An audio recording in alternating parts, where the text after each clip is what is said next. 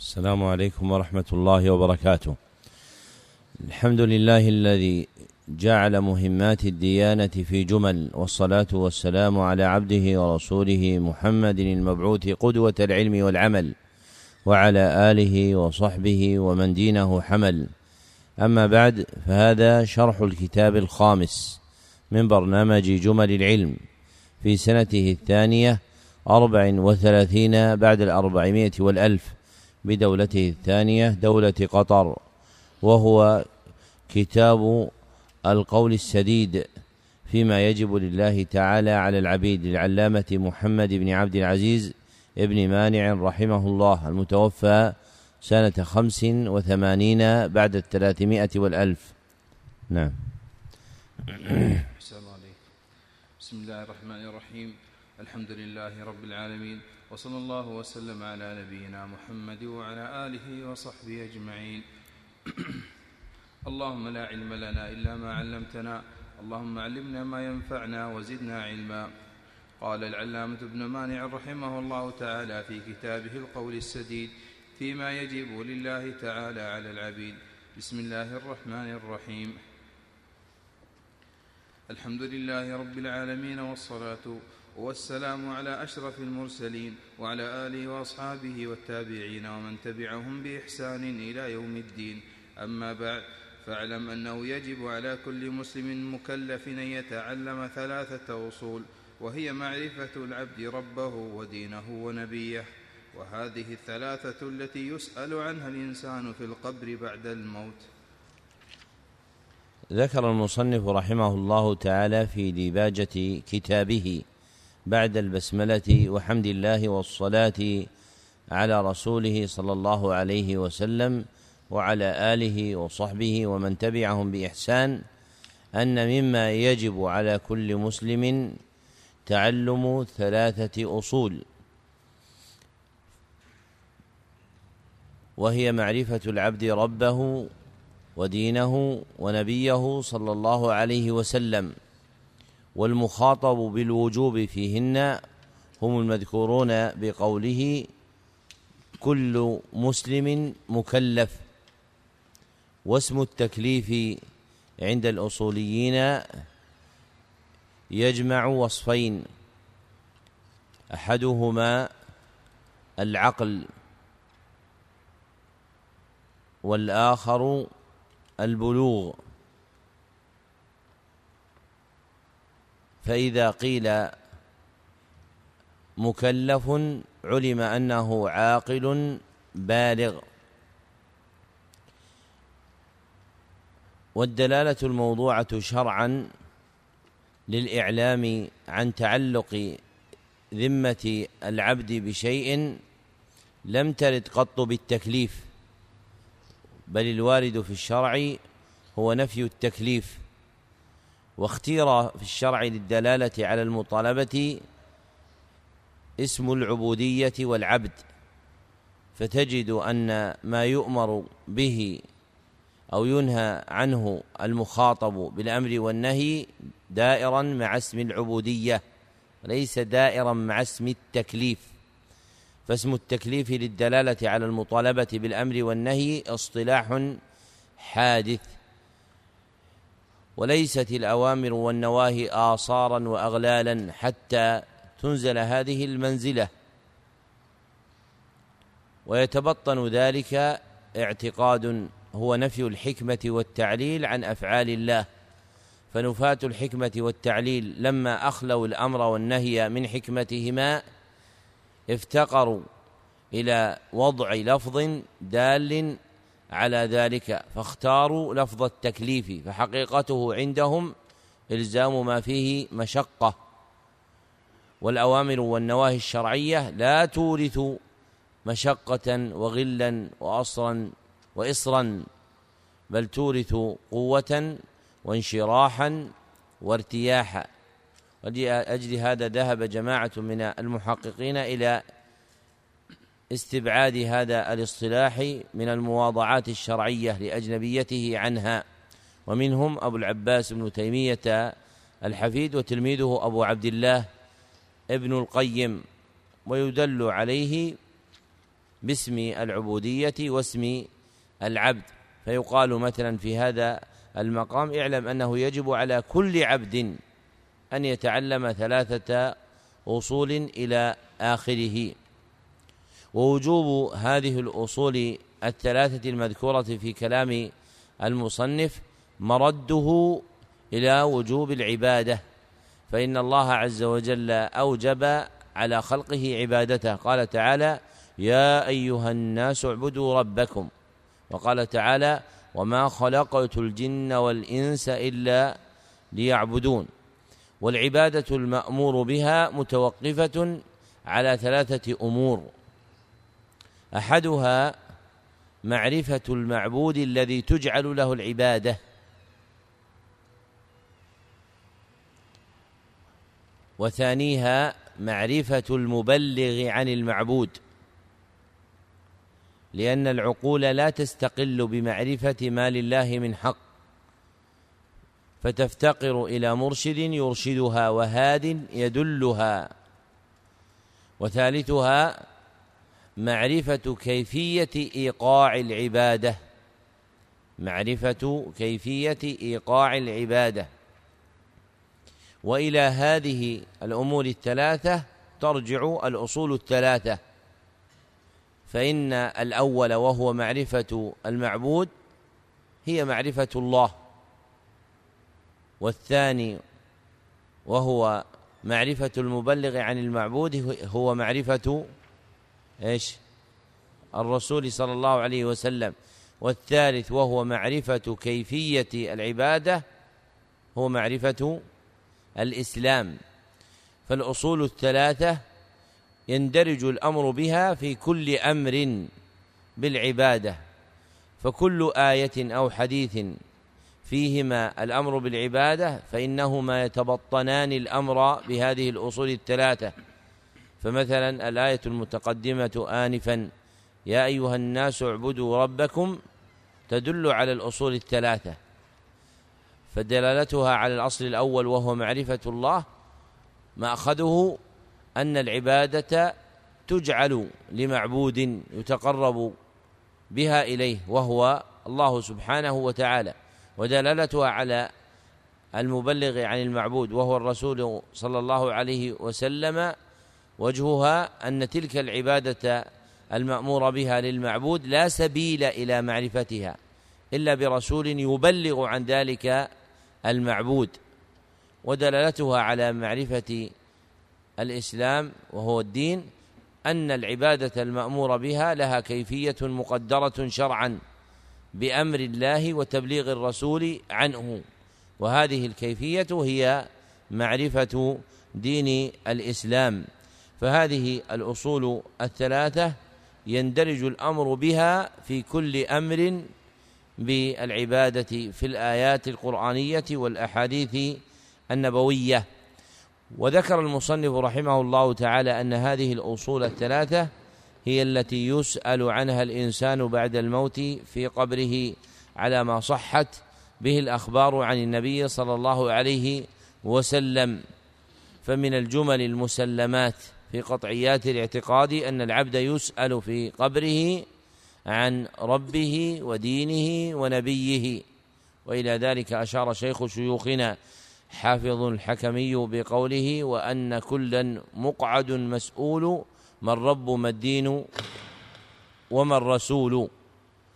ويعلم مما سلف أن جلالة هذه الأصول الثلاثة ترجع إلى أمرين. أحدهما أن المطالبة بها واقعة في الدنيا أن المطالبة بها واقعة في الدنيا. فيجب على العبد أن يعرف ربه ودينه ونبيه. يطلق الثواب والعقاب. والآخر أن السؤال في القبر يكون عن هذه الأصول الثلاثة. أن السؤال في القبر يكون عن هذه الأصول الثلاثة فتعظيم شأنهن مرده إلى ملاحظة ما يحيط بهن في الدنيا والآخرة. ففي الدنيا يؤمر العبد بهذه المعارف الثلاثة أمر إيجاب وفي القبر يسأل عنها. نعم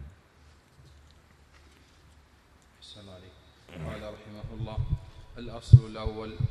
سؤال إذا قيل لك من ربك؟ جواب فقل ربي الله الذي رباني بنعمته وخلقني من عدم إلى وجود والرب هو المالك المتصرف ومعنى الله ذو الألوهية والعبودية على خلقه أجمعين. سؤال إذا قيل لك بأي شيء عرفت ربك؟ جواب فقل بآياته ومخلوقاته منها الليل والنهار والشمس والقمر وغير ذلك. سؤال إذا قيل لك وما الدليل على ذلك؟ جواب فقل قوله تعالى إن ربكم الله الذي خلق السماوات والأرض إن ربكم الله الذي خلق السماوات والأرض في ستة أيام ثم استوى على العرش. سؤال وإذا قيل لك لأي شيء خلقك الله؟ جواب فقل لعبادته وحده لا شريك له وعبادته طاعته باتباع أمره. واجتناب نهيه ومن أنواع الدعاء ومن أنواعها الدعاء وهو مخ العبادة. فلا يدعى غير الله من الأموات والأشجار والأحجار والغائبين. فمن دعا غير الله فهو مشرك. والدليل قوله تعالى ولا تدع من دون الله ما لا ينفعك ولا يضرك. فإن فعلت فإنك إذا من الظالمين. والظلم هنا هو الشرك. قال تعالى إن الشرك لظلم عظيم. سؤال إذا قيل لك ما الدليل على ذلك؟ جواب فقل قوله تعالى وما خلقت الجن والإنس إلا ليعبدون. أي يوحدون. سؤال وإذا قيل لك كم أقسام التوحيد؟ جواب فقل ثلاثة توحيد الربوبية وتوحيد الألوهية وتوحيد الأسماء والصفات فتوحيد الربوبية ألا خالق ولا رازق إلا الله وتوحيد الألوهية هو إفراده تعالى بالعبادة وتوحيد الأسماء والصفات أن يوصف الله تعالى بما وصف به نفسه وبما وصفه به رسوله صلى الله عليه وسلم. وبما وصفه به رسوله صلى الله عليه وسلم نفيا وإثباتا. سؤال إذا قيل, إذا قيل لك ما أعظم ما أمر الله به وما أعظم ما نهى عنه؟ جواب فقل أعظم ما أمر الله به التوحيد الذي هو إفراد الله الذي الذي هو إفراد الله بالعبادة. وأعظم ما نهى عنه الشرك وهو دعوة غيره معه ودليل الأمر قوله تعالى وما أمروا إلا ليعبدوا الله مخلصين له الدين ودليل النهي قوله تعالى إن الله لا يغفر أن يشرك به ويغفر ما دون ذلك لمن يشاء سؤال وإذا قيل لك ما أول ما فرض الله عليك؟ جواب فقل الإيمان بالله والكفر بالطاغوت والدليل قوله تعالى ولقد بعثنا في كل أمة رسولا أن اعبدوا الله واجتنبوا الطاغوت وقوله تعالى فمن يكفر بالطاغوت ويؤمن بالله فقد استمسك بالعروة الوثقى وهي لا إله إلا الله وما معنى الإيمان بالله؟ ومعنى الإيمان بالله أن تعتقد أنه هو الإله المعبود الذي لا يستحق العبادة أحد سواه. ومعنى الكفر بالطاغوت أن تعتقد بطلان عبادة غير الله. والطاغوت اسم لكل والطاغوت اسم لكل ما عبد من دون الله ورضي بذلك أو حكم بغير ما أنزل الله. والشيطان أكبر الطواغيت. وكل رأس في الضلالة كالدعاة إلى عبادة الأموات وإنكار الصفات. لما قرر المصنف رحمه الله أنه يجب تعلم الأصول الثلاثة معرفة الله ومعرفة الدين ومعرفة الرسول صلى الله عليه وسلم. شرع يبينها أصلا أصلا. وابتدأ ببيان الأصل الأول وهو معرفة العبد ربه وقدمه لجلالته. فأعظم المعارف المتعلقة المعلقة بذمة العبد هي معرفته ربه سبحانه وتعالى واستفتح بيانه بالسؤال قائلا إذا قيل لك من ربك؟ ثم أجاب عنه بقوله ربي الله الذي رباني بنعمته وخلقني من عدم إلى وجود فالرب يعرف بأنه المربي عباده بنعمته الخالق لهم من عدم إلى وجود. ثم بين مرد ذلك بقوله والرب هو المالك المتصرف فإن منشأ كونه مربيا خالقا هو حقيقة معنى الرب ومنها المذكور في كلام المصنف في قوله والرب هو المالك المتصرف. وتقدم أن جماع معاني الرب عند العرب ترجع إلى ثلاثة معان ذكرها ابن الأنباري وغيره وهي يا عبد الرحمن.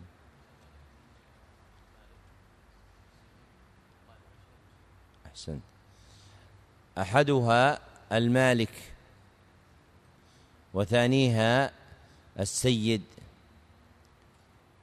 وثالثها القائم على الشيء المصلح له.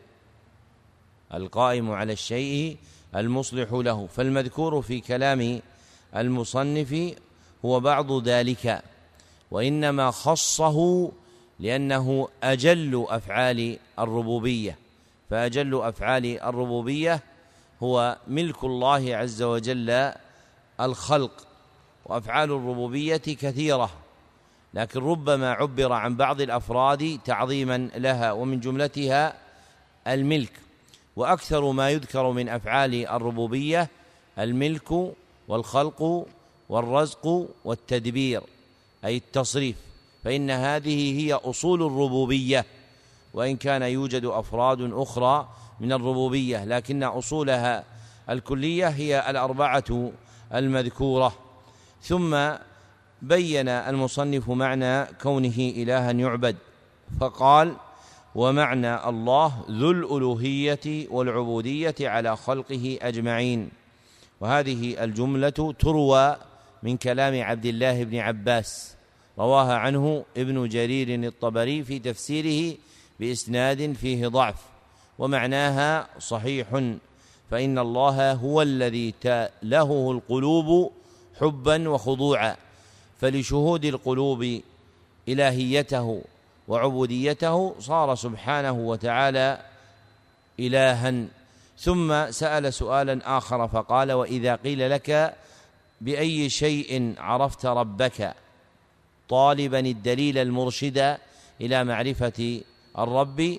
ثم أجاب عنه بقوله فقل بآياته ومخلوقاته وهذه الجملة تروى عن أبي يوسف الأنصاري القاضي صاحب أبي حنيفة. رواه رواها عنه اللالكائي في شرح أصول اعتقاد أهل السنة والجماعة.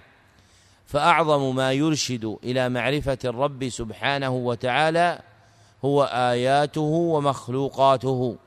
فمن شاهد ما ادخر في هذا الكون الفسيح من الآيات العظام والمخلوقات الجسام استدل بها على الرب عز وجل.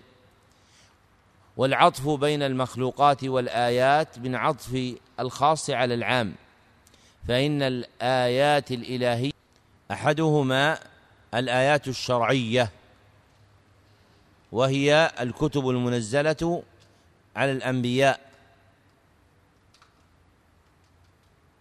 والآخر الآيات الكونية.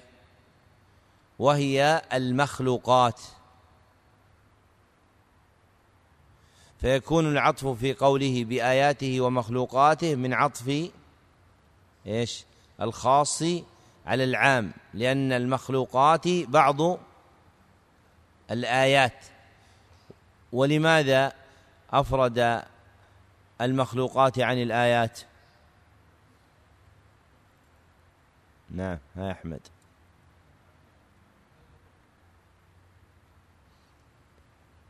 يعني ها. آه.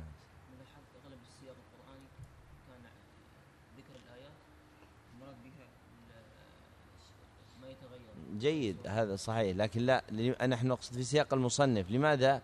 ل- لماذا ما قال معرفة الله بآياته؟ لماذا نص على المخلوقات؟ ها يوسف.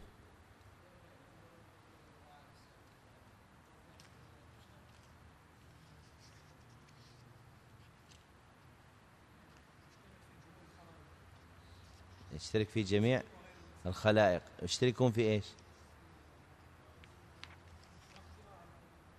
لأن بدو الربوبية وظهورها في المخلوقات أبين من ظهورها في الآيات الشرعية.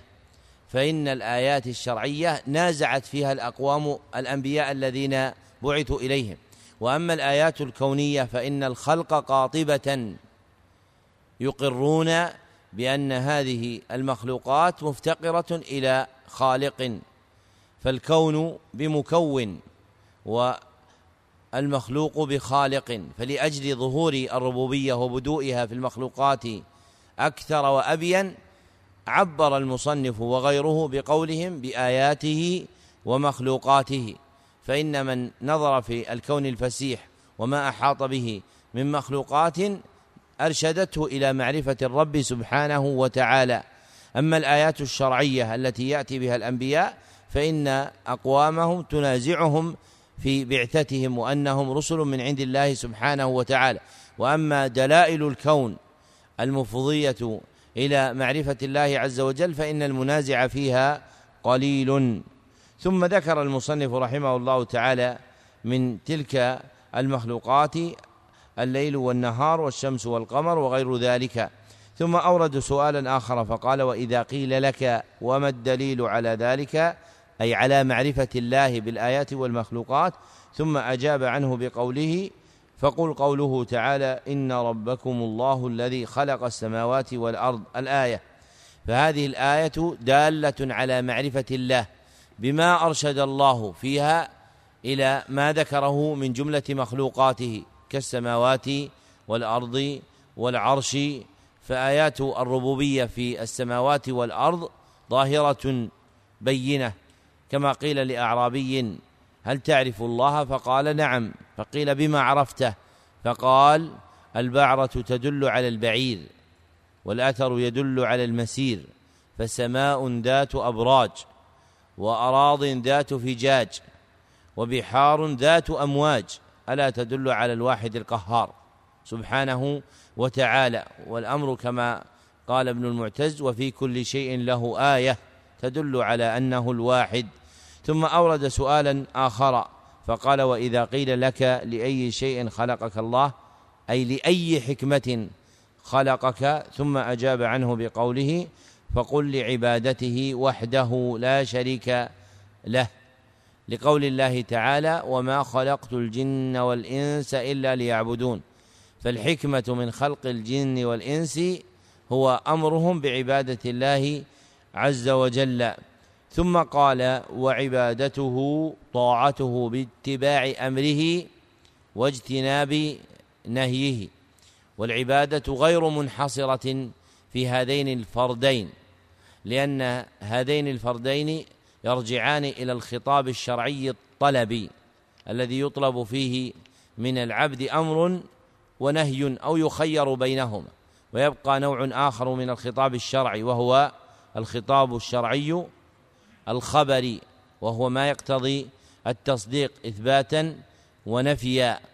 فتكون هذه العبارة قاصرة عن الإحاطة بحقيقة العبادة. والعبادة شرعا تطلق على معنيين. والعبادة شرعا تطلق على معنيين. أحدهما عام وهو امتثال خطاب الشرع المقترن بالحب والخضوع. امتثال خطاب الشرع المقترن بالحب والخضوع. والآخر خاص وهو التوحيد والآخر خاص وهو التوحيد فإن العبادة تطلق تارة ويراد بها المعنى العام وتطلق تارة أخرى ويراد بها المعنى الخاص تعظيما لشأنه فإن التوحيد فرد من الأفراد المندرجة في المعنى العام لكن ربما أفرد باسم العبادة تعظيما لشأنه لجلالة رتبته. وما ذكرناه في بيان حقيقة العبادة شرعا في المعنى العام أنها امتثال خطاب الشرع المقترن بالحب والخضوع أي ذلك الامتثال المقترن بالحب والخضوع عدل فيها عن المشهور عند المتأخرين من رد العبادة إلى الحب و إيش؟ والذل. فلماذا عدل عن ذلك؟ هاي وليد.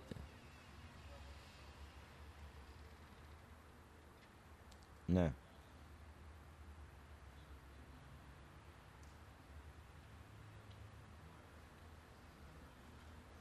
فيه نقص.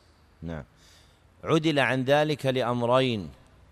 أحدهما متابعة الوارد في الخطاب الشرعي. متابعة الوارد في الخطاب الشرعي. فإن الخضوع يتقرب به إلى الله بخلاف الذل فالخضوع يكون شرعيا دينيا وكونيا قدريا فالخضوع يكون شرعيا دينيا وكونيا قدريا. أما الذل فإنه لا يكون إلا إيش؟ قدريا كونيا.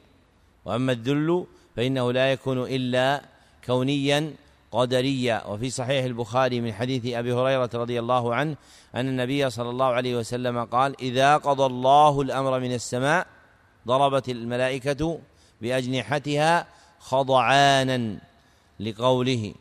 وعند البيهقي بسند صحيح في قنوت عمر رضي الله عنه قوله ونؤمن بك ونخضع لك. فالخضوع مما يتقرب به إلى الله بخلاف الذل. فيقال للخلق اخضعوا لله ولا يقال ذلوا لله لأن ذلهم متحقق قدرا وكونا وإنما المراد حصول خضوعهم خضوعا شرعيا دينيا. والآخر أن الذل يتضمن الإجبار ونفي الاختيار.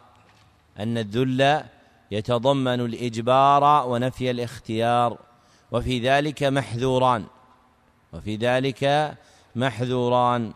الأول أن قلب الذليل فارغ من الإقبال والتعظيم. أن قلب الذليل فارغ من الإقبال والتعظيم الذي هو حقيقة العبادة. والثاني أنه لم ياتي الذل في الخطاب الشرعي إلا على وجه النقص. أنه لم ياتي الذل في الخطاب الشرعي إلا على وجه النقص كقوله تعالى خاشعين من الذل وقال تعالى ترهقهم ذلة فلا يأتي الذل إلا على وجه النقص. هذه قاعدة يدل عليها الوضع اللغوي. وما عدا ذلك مما يتوهم من الآيات فليس كذلك. مثل إيش؟ نحن ما نستطرد بس حتى تتصورون المسألة تامة. مثل قوله تعالى واخفض لهما جناح الذل من الرحمة. فهذه الآية يتوهم بعضهم أنها تخالف هذا المذكور وليس الأمر كذلك. لماذا؟ لأن المذكور فيها ما هو؟ ها؟ إيش؟ فيها إضافة وهي جناح الذل. وجناح الذل غير الذل. والعرب تراعي في الكلمات الإفراد والتركيب. تراعي في الكلمات الإفراد والتركيب. فالكلمة يكون لها في الإفراد معنى وفي التركيب معنى. مثال ذلك في القرآن الله وله الحديث. فالله له معنى وله الحديث له معنى آخر. فمثلا له الحديث المعروف فيه عن الصحابة كما صح عن ابن مسعود رضي الله عنه أنه إيش؟ أنه الغناء. أنه الغناء. طيب في آخر سورة الجمعة قال الله سبحانه وتعالى وإذا رأوا تجارة أو لهوا انفضوا إليها. هل يمكن أن يقول أحد اللهو هو الغناء؟ لا يمكن.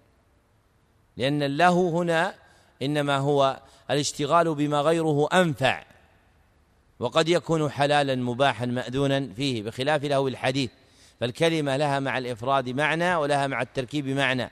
وهذا موجود في آيات كثيرة من القرآن.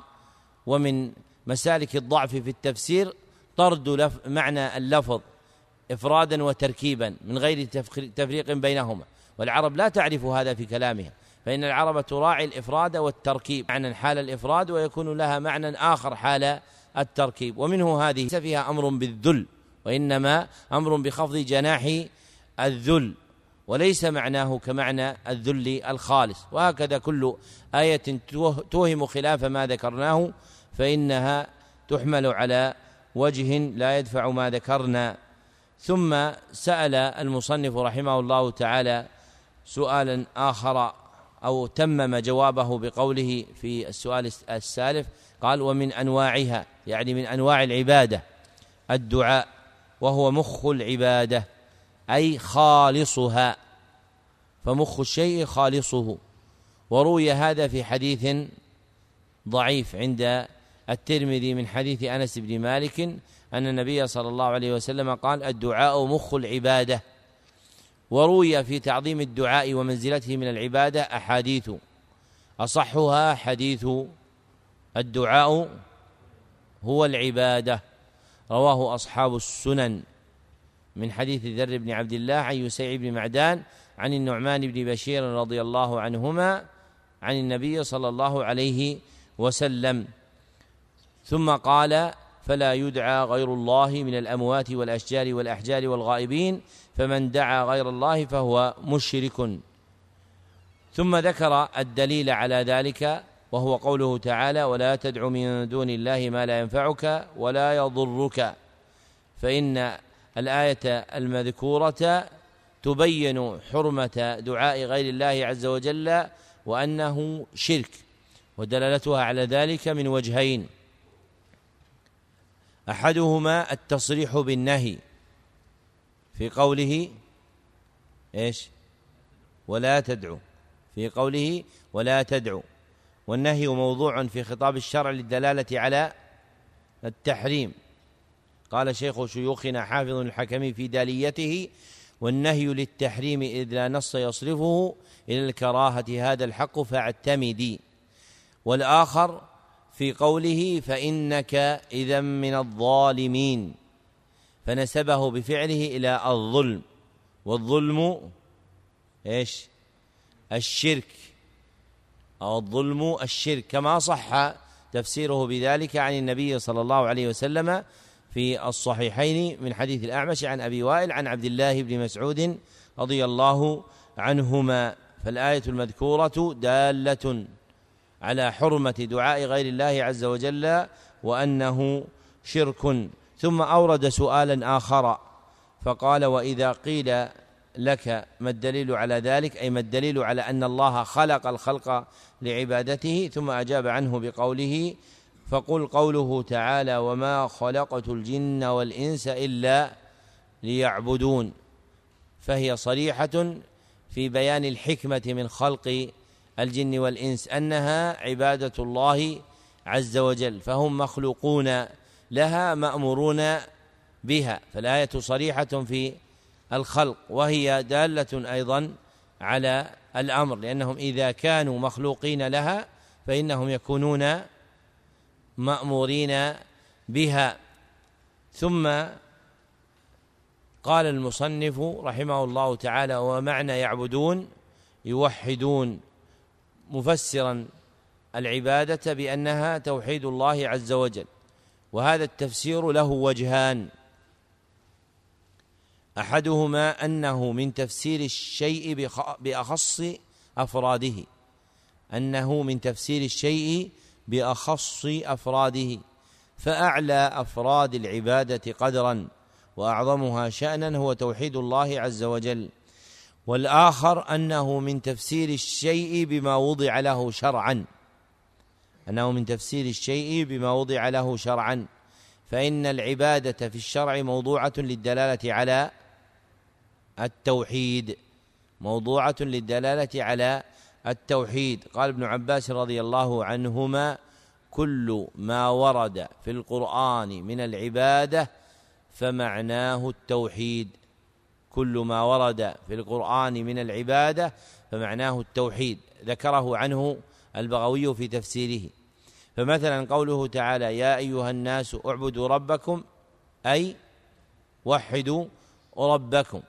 وقوله وما خلقت الجن والإنس إلا ليعبدون أي يوحدون. والعبادة والتوحيد أصلان عظيمان يتفقان ويفترقان بحسب المعنى المنظور إليه فلهما حالان. الحال الأولى حال الاتفاق. الحال الأولى حال الاتفاق. وذلك إذا كان المنظور إليه هو إرادة التقرب. وذلك إذا كان المنظور إليه إرادة التقرب فإنهما يتحدان في المعنى. فإنهما يتحدان في المعنى. فإذا قلت اعبدوا الله ووحدوا الله مريدا التقرب إليه سبحانه وتعالى صارت العبادة والتوحيد إيش؟ متحدتان في المعنى.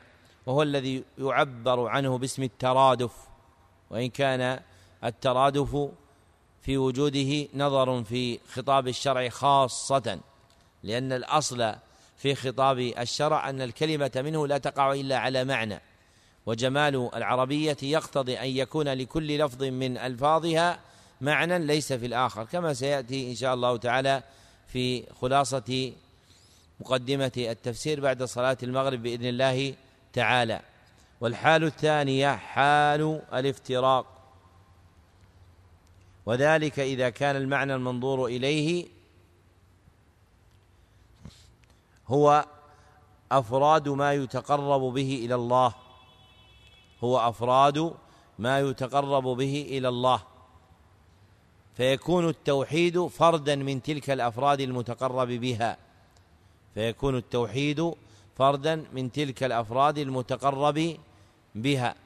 وهذا هو الواقع في حديث عبد الله بن عمر في الصحيحين من حديث حنظلة بن أبي سفيان عن كلمة بن خالد عن ابن عمر رضي الله عنهما أن النبي صلى الله عليه وسلم قال بني التوحيد على خمس شهادة أن لا إله إلا الله وأن محمد رسول الله وإقام الصلاة الحديث. فعد التوحيد فردا من الأفراد المتقرب بها فيتقرب إلى الله بالتوحيد واتباع رسوله ويتقرب إليه بإقام الصلاة ويتقرب إليه بإيتاء الزكاة. وهذه هي حال الافتراق.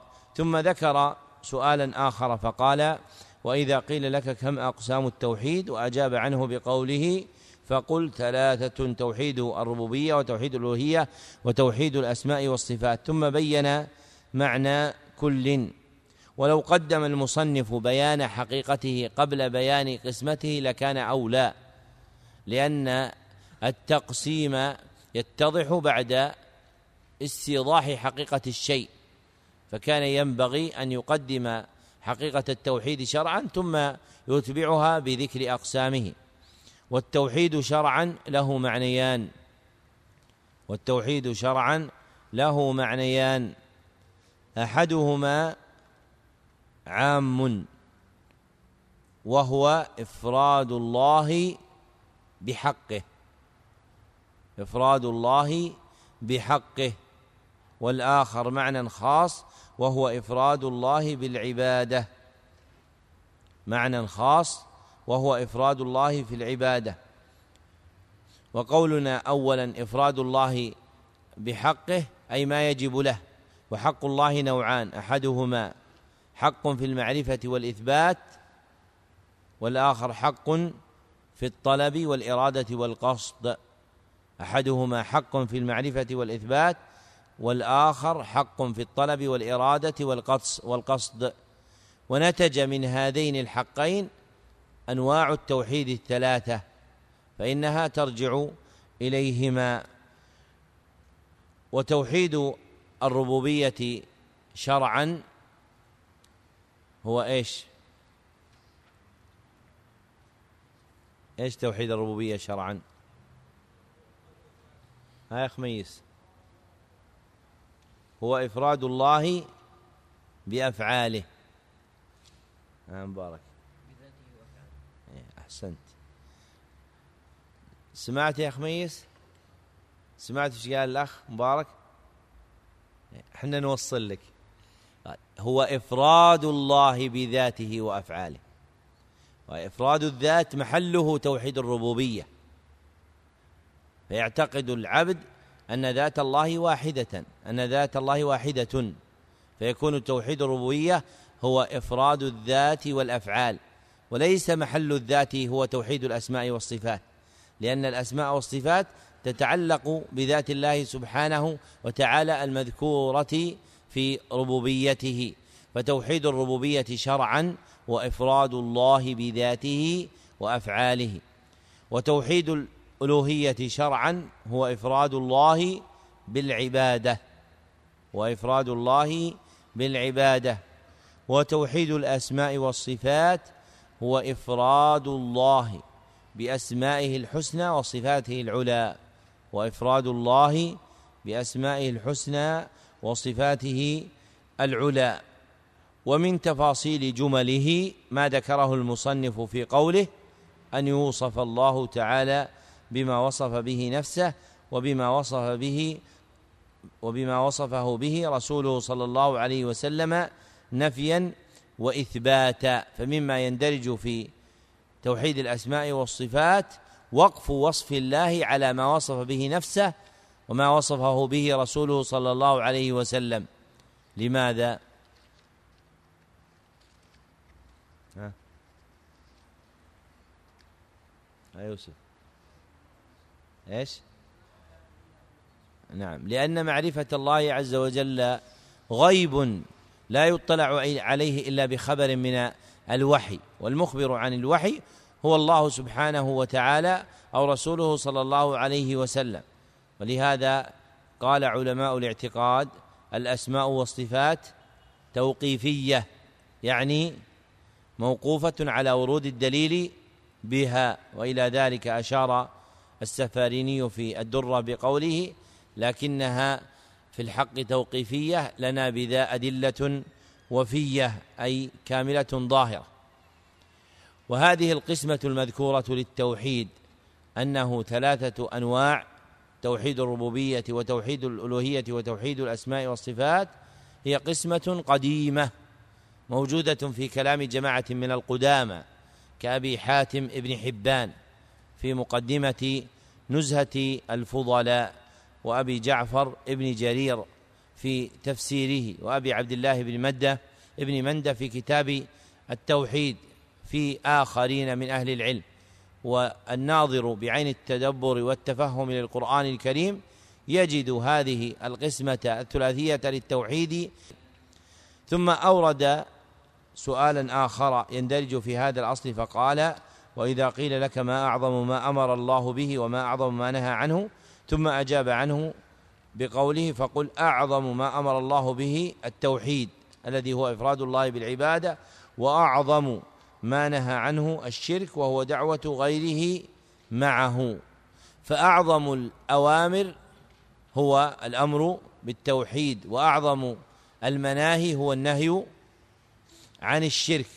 وتقدم بيان حقيقة التوحيد شرعا. وأما الشرك فإنه شرعا يقع على معنيين. وأما الشرك فإنه يقع شرعا على معنيين. أحدهما عام وهو جعل شيء من حق الله لغيره. جعل شيء من حق الله لغيره. والآخر خاص وهو جعل شيء من العبادة لغير الله. جعل شيء من العبادة لغير الله. وهو المراد في قول المصنف دعوة غيره معه. وهو المراد في قول المصنف وهو دعوة غيره معه لأن الدعاء يطلق غالبا في خطاب الشرع ويراد به العبادة فتقدير الكلام وهو عبادة غيره معه. فهذان هما المعنيان الشرعيان للشرك. وعدل في بيان حقيقة الشرك شرعا عن المشهور من قولهم صرف شيء إلى قولنا جعل شيء واختير الجعل دون الصرف لأمرين. ما هما؟ حركوا أذهانكم. هذه رياضة العقل. رياضة العقل إحدى أنواع الرياضة عند فلاسفة اليونان. ورياضة العقل بالشرعيات التي يسمونها الإلهيات أعظم من رياضة العقل بالطبيعيات التي تسمى اليوم العلوم العصرية الكيمياء والفيزياء والإحياء والرياضيات وأخواتها. فهي أعمق في الإدراك من علوم الطبيعة ولهذا صارت هي علوم الأنبياء. أما الموجود عند الناس اليوم أن علوم الأذكياء هي علوم الطب والهندسة والإحياء والفيزياء وغير ذلك فهذا عكس لما جاءت به الشريعة. فإن العلوم المقدمة في الشريعة هي علوم الشرع. وإذا أردت أن تعرف ذلك انظر إلى موارد الاستنباط عند أهل العلم. فتجد أن المستنبطين ينزعون من معاني الكتاب والسنة ما يدل على شدة الحاجة إلى رياضة العقل فيهما وأنها أشد من هذه المعارف التي يتواطؤ عليها الناس. فإن هذه المعارف غالبا تكون اصطلاحات تكون اصطلاحات ثابتة كما هو معروف فيها لمن درسها وكنت واحدا منهم. وليس المقصود أن يظن أن هذه المعارف إنما أنزلت عن ذلك لأجل عدم الإحاطة بها لكن المنبئ عن ذلك أن الله اختار للأنبياء الذين هم أذكى الخلق هذه المعارف الشرعية. ولذلك اعتنوا برياضة العقل في هذه المعارف حتى تستفيدوا في المعارف الشرعية. ما الجواب؟ نعم. أحسنت. لأمرين. أحدهما متابعة خطاب الشرع لأنه لم يأتي قط في خطاب الشرع الدلالة على الشرك بالصرف. وإنما قال الله عز وجل فلا تجعلوا لله أندادا وأنتم تعلمون وفي الصحيحين من حديث أبي وائل عن ابن مسعود رضي الله عنه أن رجلا قال للنبي صلى الله عليه وسلم أي الذنب أعظم؟ فقال أن تجعل لله ندا وهو خلقك. فاختار فعل الجعل ولم يعبر في خطاب الشرع بالصرف عن الشرك. والآخر الأمر الآخر. نعم. أحسنت أن الجعل يتضمن معنى الإقبال القلبي والتأله أن الجعل يتضمن معنى الإقبال القلبي والتأله وهذا غير موجود في الصرف فإن الصرف في لسان العرب موضوع للدلالة على تحويل الشيء عن وجهه دون ملاحظة المحول إليه. وما ذكره المصنف من أن أعظم ما أمر به التوحيد وأن أعظم ما نهي عنه الشرك استدل له فقال ودليل الأمر قوله تعالى وما أمروا إلا ليعبدوا الله مخلصين له الدين ودليل النهي قوله تعالى إن الله لا يغفر أن يشرك به الآية. فتقدير الكلام ودليل أن الأمر بالتوحيد هو أعظم الأمر. قوله تعالى وما أمروا إلا ليعبدوا الله وقوله ودليل النهي أي دليل أن أعظم النهي هو النهي عن الشرك. قوله تعالى إن الله لا يغفر أن يشرك به. ما دلالة الآية الأولى على أن أعظم أمر هو الأمر بالتوحيد؟ نعم عبد الله. إيش؟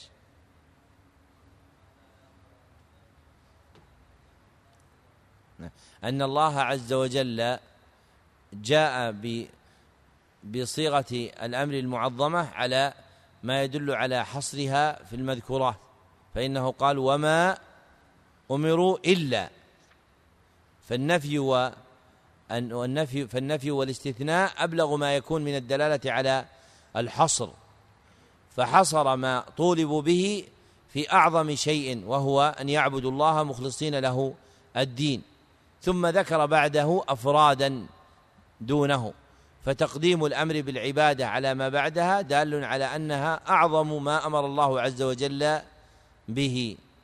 طيب والآية الثانية كيف تدل على أن الشرك أعظم المنهيات؟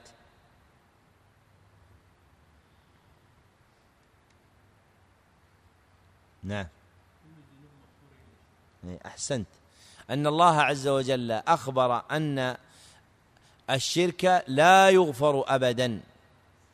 وأما ما دون ذلك من مخالفة النهي بالمواقعة بمواقعة الذنوب فإن الله عز وجل يغفره للعبد. فقوله إن الله لا يغفر أن يشرك به ثم قال ويغفر ما دون ذلك.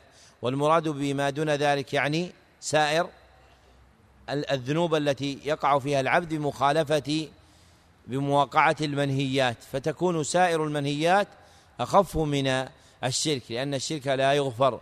وأما ما دون ذلك فإنه على رجاء مغفرة من الله عز وجل. وأي الشرك الذي لا يغفر؟ الأكبر. لماذا؟ يخرج من الملة.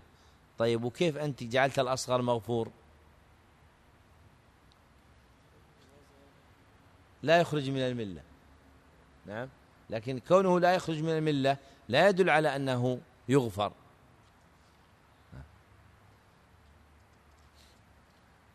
نعم.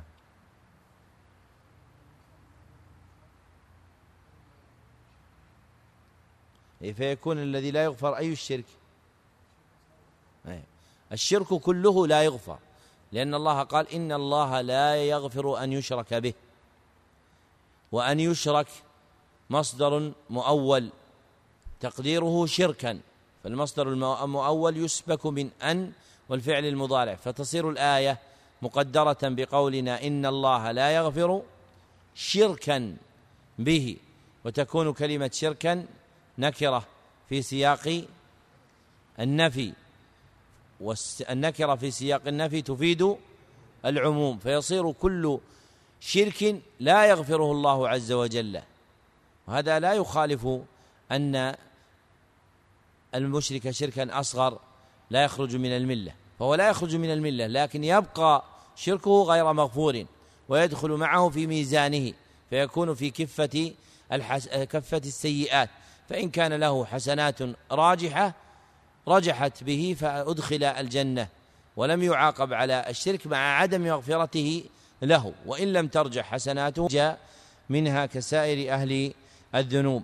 ثم أورد سؤالا آخر فقال وإذا قيل لك ما أول ما فرض الله عليك ثم أجاب عنه بقوله فقل الإيمان بالله والكفر بالطاغوت وأورد الدليل الدال عليه وهو قوله تعالى ولقد بعثنا في كل أمة رسولا أن اعبدوا الله واجتنبوا الطاغوت وقوله تعالى فمن يكفر بالطاغوت ويؤمن بالله فقد استمسك بالعروة الوثقى فهاتان الآيتان دالتان على أن أول ما فرض الله علينا هو الإيمان بالله والكفر بالطاغوت.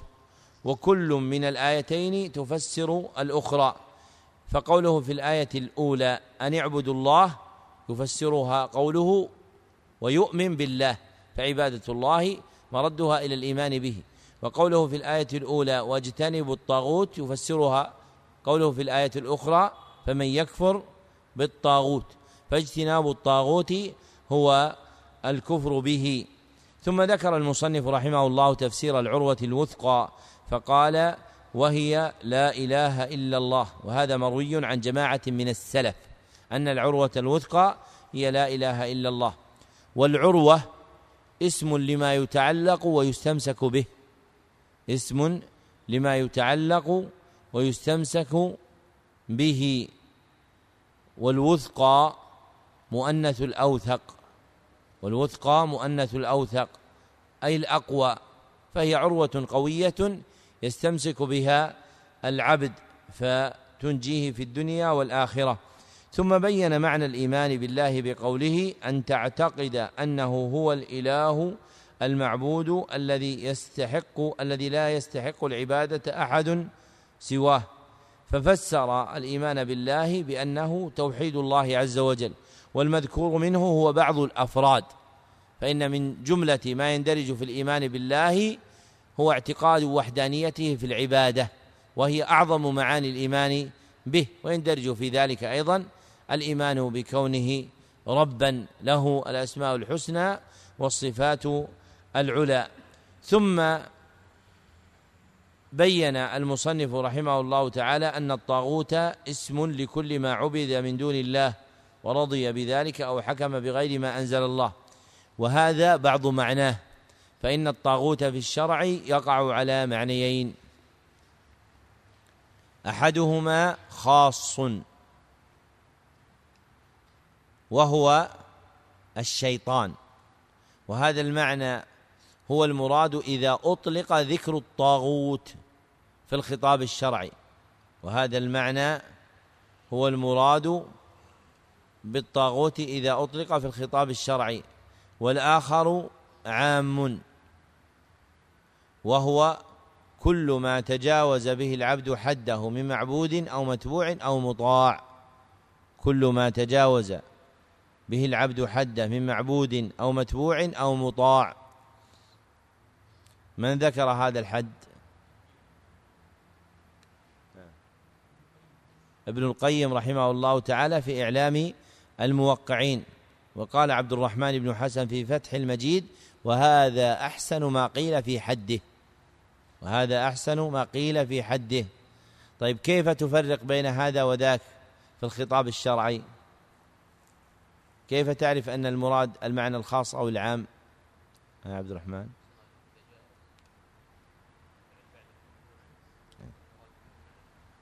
إذا جاء الفعل معه. مجموعا. إذا جاء الفعل معه مجموعا فإنه يراد به المعنى العام الذي تتعدد فيه الأفراد. كقوله تعالى والذين كفروا أولياؤهم الطاغوت إيش؟ يخرجونهم من النور إلى الظلمات. فقال يخرجونهم فإذا جاء الفعل مجموعا فهو للدلالة على أفراد متعددة. هي الأفراد المستكنة في المعنى العام وهو ما تجاوز به العبد حده من معبود أو متبوع أو مطاع. ثم ذكر المصنف أن الشيطان أكبر الطواغيت وكل رأس في الضلالة كالدعاة إلى عبادة الأموات وإنكار الصفات. فالطواغيت كثيرون ورؤوسهم خمسة أي أعظمهم شرا وأكثرهم خطرا خمسة. إبليس ومن عبد وهو راض ومن دعا إلى عبادة نفسه ومن ادعى شيئا من الغيب ومن ادعى شيئا من الغيب ومن حكم بغير ما أنزل الله. ذكر هذا ابن القيم وغيره وهم لا يريدون الحصر وإنما يريدون أن هذه الأفراد المذكورة هي أشد الطواغيت خطرا. وأعظمها شرا. ورد المصنف رحمه الله تعالى الأفراد التي ذكرها في تعظيم شرها إلى نوعين. أحدهما أعظم الجن غواية وإغواء وهو الشيطان. أعظم الجن غواية وإغواء وهو الشيطان. والآخر أعظم الإنس غواية وإغواء وهو كل رأس في الضلالة. وهو كل رأس في الضلالة كالدعاة إلى عبادة الأموات وإنكار الصفات. هذا وجه اختصار المصنف على ما ذكر في قوله الشيطان أكبر الطواغيت وكل رأس في الضلالة فأعظم الجن غواية وإغواء الشيطان وأعظم الإنس غواية وإغواء هم الدعاة إلى عبادة الأموات وإنكار الصفات وغواية بالضم أم بالكسر غواية؟ بالكسر لا تعرفه العرب وإنما هو غواية وهذا لحن مشهور ومثله قولهم نفاية وإنما هي نفاية بضم النون. نعم. أحسن الله عليك. قال رحمه الله الأصل الثاني سؤال إذا قيل لك ما دينك؟ جواب فقل ديني الإسلام وهو تسليم الأمر لله بالتوحيد والانقياد له بالطاعة والخلوص, والخلوص من الشرك وهو ثلاث مراتب الإسلام والإيمان والإحسان وكل مرتبة لها أركان. سؤال إذا قيل لك كم أركان الإسلام؟ جواب فقل خمسة الأول شهادة أن لا إله إلا الله وأن محمد رسول الله والثاني إقام الصلاة والثالث إيتاء الزكاة والرابع صوم رمضان والخامس حج البيت الحرام مع الاستطاعة. سؤال وإذا قيل لك ما الدليل على هذه الخمسة؟ جواب فقل أما دليل الشهادة فقوله تعالى شهد الله أنه لا إله إلا هو والملائكة وأولو العلم قائما بالقسط. لا إله إلا هو العزيز الحكيم. وأما دليل الصلاة والزكاة فقوله تعالى ويقيم الصلاة ويؤتوا الزكاة وذلك دين القيمة. وأما دليل الصيام فقوله تعالى يا أيها الذين آمنوا كتب عليكم الصيام كما كتب على الذين من قبلكم لعلكم تتقون. وأما دليل الحج فقوله تعالى ولله على الناس حج البيت من استطاع اليه سبيلا سؤال وإذا قيل لك هل يقبل الله دينا غير الإسلام؟ جواب فقل, فقل لا والدليل قوله تعالى ومن يبتغ غير الإسلام دينا فلن يقبل منه وهو في الآخرة من الخاسرين. سؤال وإذا قيل لك ما معنى لا إله إلا الله؟ جواب فقل لا معبود بحق إلا الله لا إله نفي إلا الله إثبات والمعنى أنها تنفي الألوهية عما سوى الله وتثبت العبادة لله وحده لا شريك له ووحده تأكيد للإثبات ولا شريك له تأكيد للنفي. سؤال وإذا قيل لك ما الدليل على ذلك؟ جواب فقل هو قوله تعالى وإذ قال إبراهيم لأبيه وقومه إنني براء مما تعبدون إلا الذي فطرني فإنه سيهدين. وجعلها كلمة باقية في عقبه لعلهم يرجعون. السؤال وإذا قيل لك ما أصل دين الإسلام وقاعدته؟ جواب فقل أمران. أحدهما أن نعبد الله وحده والثاني أن نعبده بما شرع لا لا نعبده بالبدع. ودليل الأمر الأول قوله تعالى يا قل يا أهل الكتاب تعالوا إلى كلمة سواء بيننا وبينكم. ألا نعبد إلا الله ولا نشرك به شيئا. ودليل الأمر الثاني قوله صلى الله عليه وسلم من عمل عملا ليس عليه أمرنا فهو رد. أي مردود عليه غير مقبول. سؤال وإذا قيل لك ما معنى الإيمان لغة وشرعا؟ جواب فقل معناه لغة التصديق وشرعا تصديق الرسول صلى الله عليه وسلم فيما جاء به من ربه. سؤال وإذا قيل لك كم أركان الإيمان؟ جواب فقل ثلاثة قول باللسان واعتقاد بالجنان وعمل بالأركان وصول الإيمان. جواب فقل ستة الإيمان بالله وملائكته والإيمان بالقدر خيره وشره من الله تعالى. السؤال وإذا قيل لك ما الدليل على ذلك؟ جواب فقل قوله تعالى آمن الرسول بما أنزل إليه من ربه والمؤمنون. كل آمن بالله وملائكته وكتبه ورسله وقوله تعالى ولكن البر من آمن بالله واليوم الآخر والملائكة والكتاب والنبيين ودليل القدر قوله تعالى إنا كل شيء خلقناه بقدر.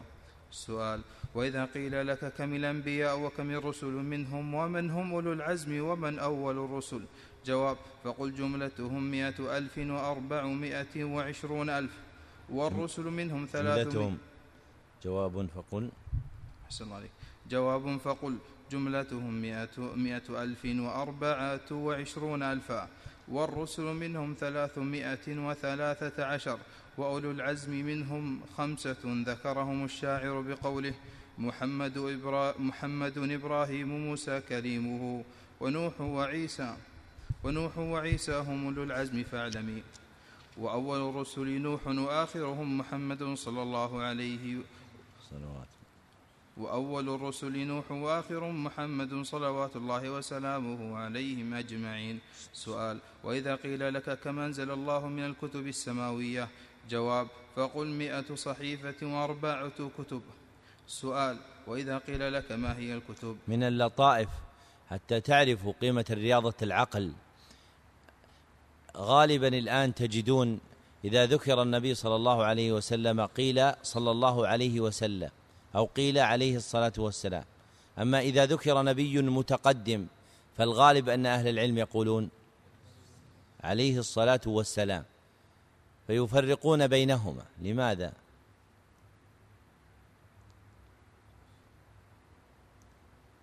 نعم.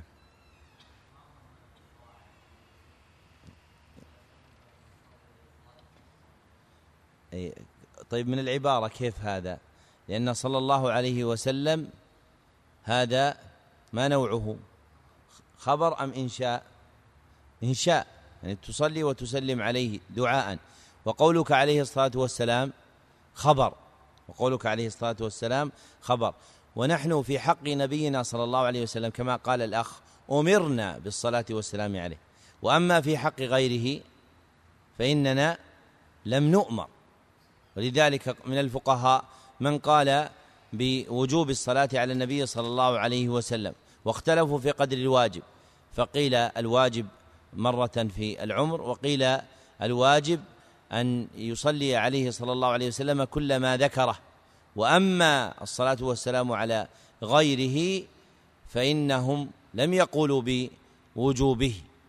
وليس في الأدلة الشرعية ما يدل على ذلك. أعني من الأنبياء والرسل فإذا ذكر معه غيره عبر مثل ما فعل المصنف بقوله صلوات الله وسلامه عليهم أجمعين. نعم. السلام عليكم. قال رحمه الله السؤال وإذا قيل لك ما هي الكتب؟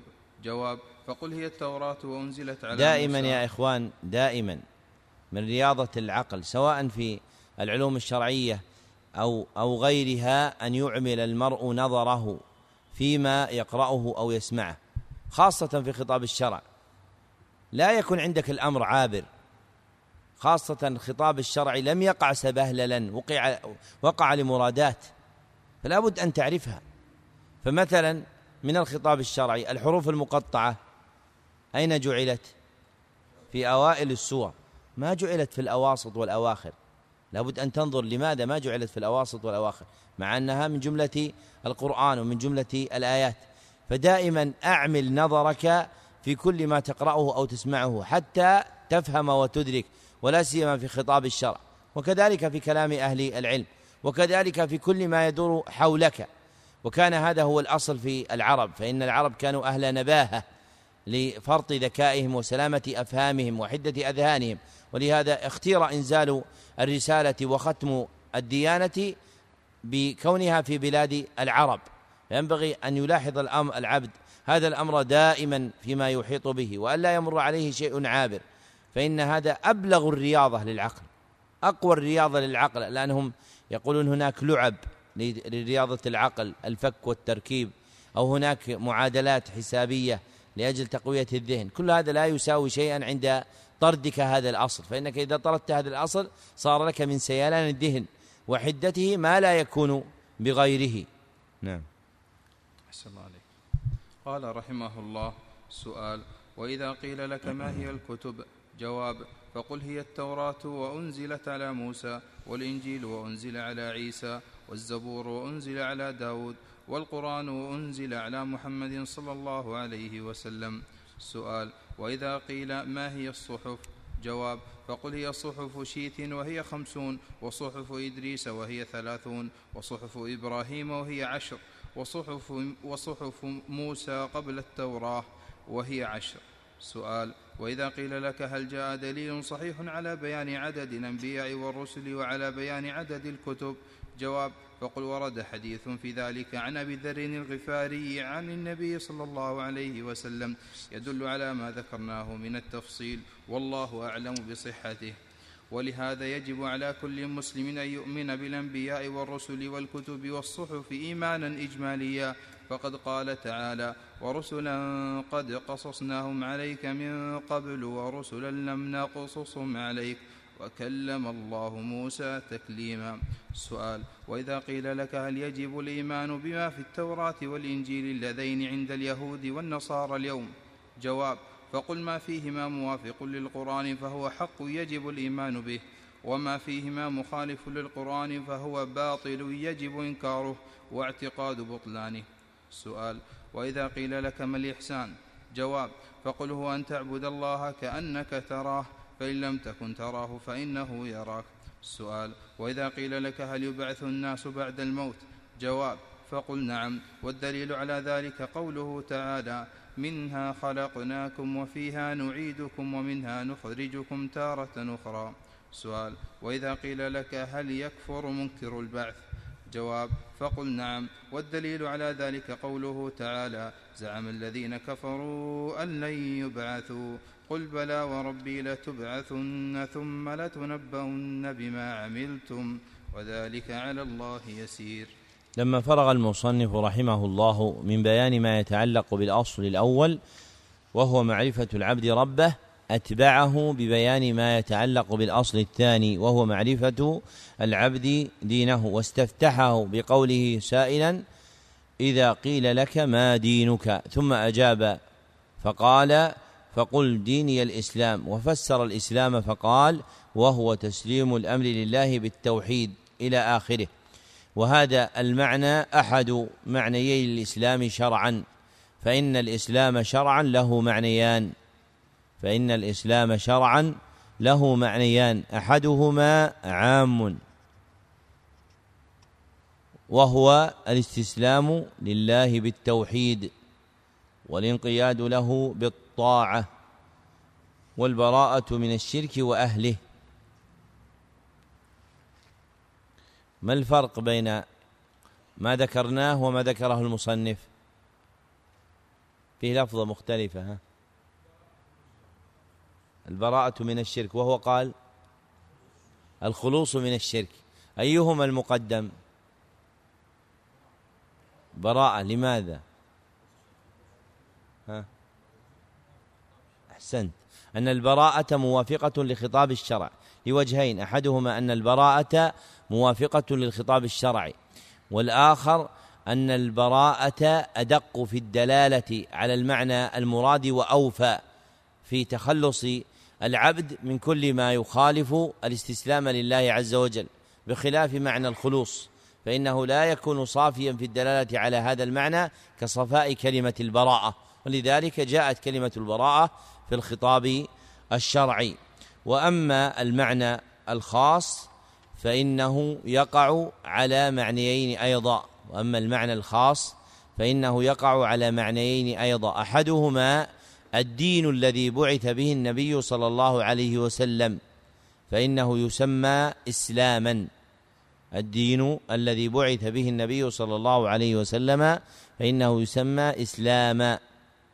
والآخر الأعمال الظاهرة المتقرب بها إلى الله. الأعمال الظاهرة المتقرب بها إلى الله فإنها تسمى إسلاما. وهذا المعنى هو المراد إذا قرن الإسلام بالإيمان والإحسان. وهذا المعنى هو المراد إذا قرن الإسلام بالإيمان والإحسان. ثم ذكر المصنف أن الإسلام له ثلاث مراتب هي الإسلام والإيمان والإحسان. وكل مرتبة من هذه المراتب لها أركان. والإسلام المجعول له هذه المراتب الثلاث يراد به الدين الذي جاء به النبي صلى الله عليه وسلم. فالدين الذي جاء به النبي صلى الله عليه وسلم له ثلاث مراتب. الأولى مرتبة الإسلام وهي موضوعة للأعمال الظاهرة. والثانية مرتبة الإيمان وهي موضوعة ليش أحسنت. الاعتقادات الباطنة. والثالثة مرتبة الإحسان وهو موضوعة لإتقان الأعمال الظاهرة والاعتقادات الباطنة وهي موضوعة لإتقان الأعمال الظاهرة والعبادات والاعتقادات الباطنة. واستفتح المصنف السؤال عن هذه الأركان بقوله فإذا قيل لك كم أركان الإسلام؟ ثم أجاب بقوله فقل خمسة. وعدها وفق المذكور في حديث ابن عمر بني الإسلام على خمس. والتقييد بالاستطاعة لم يقع في حديث ابن عمر. فإن حديث ابن عمر فإن حديث ابن عمر بني الإسلام على خمس لما ذكر فيه الحج لم تذكر معه الاستطاعة وإنما ذكرت في حديث جبريل الطويل. فإنه لما عدت فيه تلك الأفراد ذكر فيها الاستطاعة مع الحج. ثم أورد سؤالا آخر فقال وإذا قيل لك ما الدليل على هذه الخمسة يعني على هذه الأركان الخمسة؟ ثم أجاب عنه بقوله أما دليل الشهادة فقوله تعالى شهد شهد الله أنه لا إله إلا هو. الآية وهي دليل على شهادة أن لا إله إلا الله. ولم يذكر المصنف دليلا على شهادة أن محمد رسول الله. لماذا؟ لأن إحدى الشهادتين تدل على الأخرى. فمن شهد بأنه لا إله إلا الله إن تضمن ذلك الشهادة لمحمد صلى الله عليه وسلم بالرسالة. فالواجب في الشهادة لله هي الشهادة له بالتوحيد والواجب في الشهادة لمحمد صلى الله عليه وسلم هو الشهادة له بالرسالة. ثم ذكر المصنف رحمه الله تعالى دليل الصلاة والزكاة فقال أما دليل الصلاة والزكاة فقوله تعالى ويقيم الصلاة ويؤتوا الزكاة والصلاة والزكاة المراد بهما في كلام المصنف ما يكون ركنا. والصلاة التي هي ركن أي صلاة؟ نعم. هي الصلوات الخمس المفروضة في اليوم والليلة. والزكاة التي هي ركن هي إيش؟ يا وليد. هي الزكاة المقدرة في الأموال المعينة. هي الزكاة المقدرة في الأموال المعينة. وبه يعلم أن زكاة الفطر ليست من جملة الركن ولو قيل بوجوبها. أن زكاة الفطر وإن كانت واجبة فإنها ليست من جملة الركن.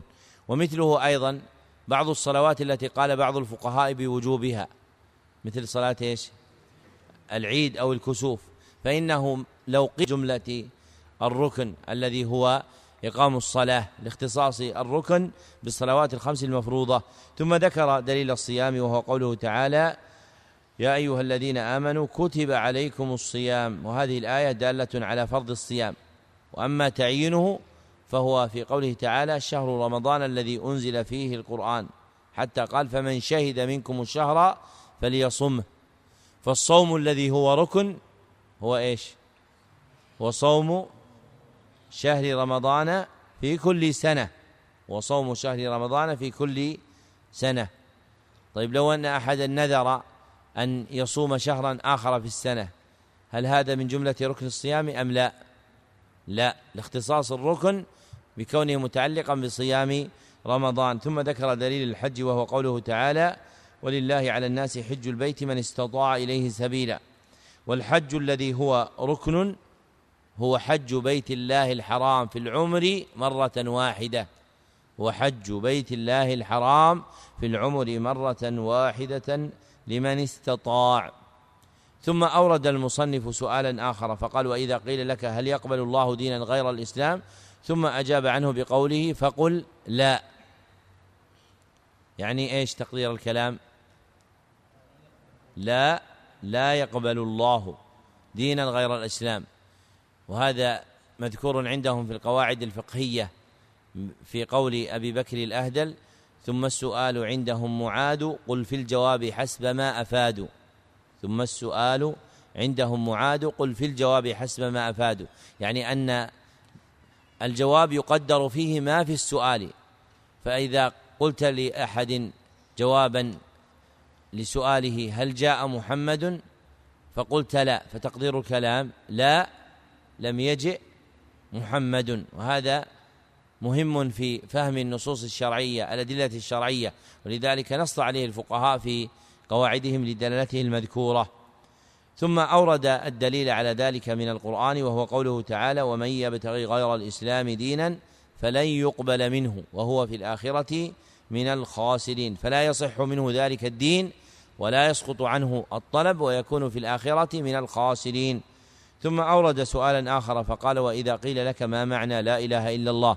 ثم أجاب عنه بقوله لا معبود بحق إلا الله. ووجهه أن لا إله إلا الله نفي وأن إلا الله إثبات. فالنفي نفي الإلهية والعبادة عن غير الله والإثبات إثبات العبادة لله عز وجل وحده. فاقتضى ذلك أن يكون خبر لا مقدرا بقولنا حق أو بحق. فيكون تقدير لا إله إلا الله لا إله حق إلا الله أو لا إله بحق إلا إلا الله. والتقدير بالمفرد أقوى من التقدير بشبه الجملة بحق وكلاهما صحيح. ثم قال المصنف ووحده تأكيد للإثبات ولا شريك له تأكيد للنفي لأن النفي والإثبات في قولنا لا إله إلا الله.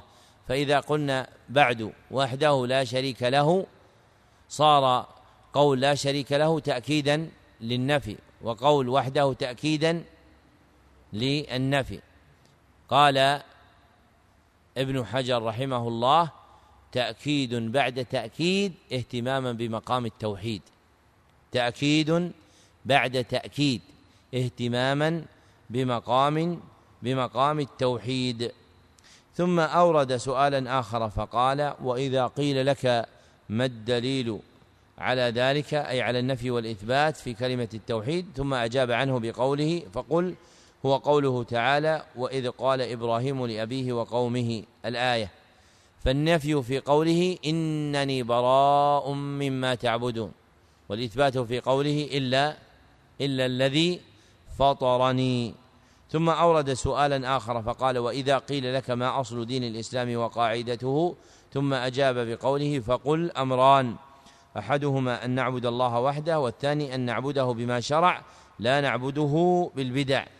وهذا السؤال وجوابه مأخوذان من رسالة وجيزة للشيخ محمد بن عبد الوهاب اسمها أصل الإسلام وقاعدته وهي من زوائد المصنف على رسالة ثلاثة الأصول فإن الأسئلة والأجوبة الواردة هنا متعلقة بكتاب ثلاثة الأصول للشيخ محمد بن عبد الوهاب مع زيادات ومن جملتها هذا الموضع. وهذه الرسالة رسالة وجيزة تقع في أسطر يسيرة. وقد شرحها حفيده عبد الرحمن ابن حسن رحمه الله تعالى. ثم ذكر دليلهما فقال ودليل الأمر قوله تعالى قل يا أهل الكتاب تعالوا إلى كلمة سواء بيننا وبينكم ألا نعبد إلا الله. الآية. ففيه ففيها بيان أن المعبود هو الله وحده سبحانه وتعالى لا يعبد سواه. ثم قال ودليل الأمر الثاني أي أننا نعبده بما شرع لا بالأهواء والبدع. قوله صلى الله عليه وسلم من عمل عملا ليس عليه أمرنا فهو رد أي مردود غير مقبول متفق عليه. واللفظ للبخاء واللفظ لمسلم من حديث سعد بن إبراهيم الزهري عن القاسم بن محمد عن عائشة رضي الله عنها. واختار المصنف رحمه الله تعالى هذا اللفظ على اللفظ الآخر. وهو اللفظ الآخر إيش؟ من أحدث في أمرنا هذا ما ليس منه فهو رد وهو المتفق عليه لكنه قدم هذا اللفظ لأنه أدل على العموم فهذا اللفظ أدل على العموم من اللفظ الآخر. ثم أورد سؤالا آخر بعد الفراغ من بيان ما يتعلق بالإسلام بمعناه الخاص فقال وإذا قيل لك ما معنى الإيمان لغة وشرعا ثم أجاب عنه بقوله فقل معناه لغة التصديق. والمراد بالتصديق المذكور في معنى الإيمان عند أهل السنة التصديق الجازم لا التصديق المجرد. ولذلك استقبح بعض المتكلمين في الاعتقاد الاقتصار على التصديق دون قرنه بالجزم ومنه أبو العباس بن تيمية الحفيد لأن الإيمان لا يطلق على إرادة التصديق فقط بل لا بد أن يكون تصديقا خاصا. وهو التصديق الذي قارنه الجزم يعني القطع الذي لا يتلجلج معه صاحبه ولا يتردد ثم عرفه شرعا بقوله وشرعا تصديق الرسول صلى الله عليه وسلم فيما جاء به من ربه. وهذه بعض حقيقة الإيمان الشرعية والحقيقة الوافية أن الإيمان شرعا والتصديق الجازم بالله باطنا وظاهرا. والتصديق الجازم بالله باطنا وظاهرا. تعبدا له بالشرع المنزل على محمد صلى الله عليه وسلم. تعبدا له بالشرع المنزل على محمد صلى الله عليه وسلم على مقام المشاهدة أو المراقبة. التصديق الجازم بالله باطنا وظاهرا تعبدا له بالشرع المنزل على محمد صلى الله عليه وسلم على مقام المشاهدة والمراقبة. هذه هي حقيقة الإيمان الشرعية وهي التي يقول فيها أهل العلم إذا أطلق الإيمان دل على الدين كله. فإنه بهذا الحد يكون دالا على الإسلام ويكون دالا على الإحسان. ثم أورد سؤالا آخر قال فيه وإذا قيل لك كم أركان الإيمان؟ وأجاب عنه بقوله فقل ثلاثة قول باللسان واعتقاد بالجنان وعمل بالأركان. ثم أورد بعده سؤالا آخر فقال وإذا قيل لك كم أصول الإيمان؟ ثم أجاب عنه بقوله فقل ستة الإيمان بالله وملائكته وكتبه إلى تمام ذلك. والمصنف رحمه الله تعالى جرى على التفريق بين أمرين. أحدهما أركان الإيمان والآخر أصول الإيمان. فجعل الأركان هي قول اللسان واعتقاد الجنان وعمل الجوارح والأركان. وجعل الأصول هي الإيمان بالله إلى آخره. وهذه الستة المذكورة اخرا هي المشهورة عند أكثر أهل العلم باسم أركان الإيمان. وما ذهب إليه المصنف أقوى من جهة النظر. فإن قولنا أركان الإيمان يراد به ما يتركب منه وهو يتركب من اعتقاد بالجنان وقول باللسان وعمل بالجوارح والأركان. والأصل موضوع في كلام العربي للقاعدة المضطردة التي يبنى عليها وهذا مناسب لما سمى لما ذكره بأصول الإيمان.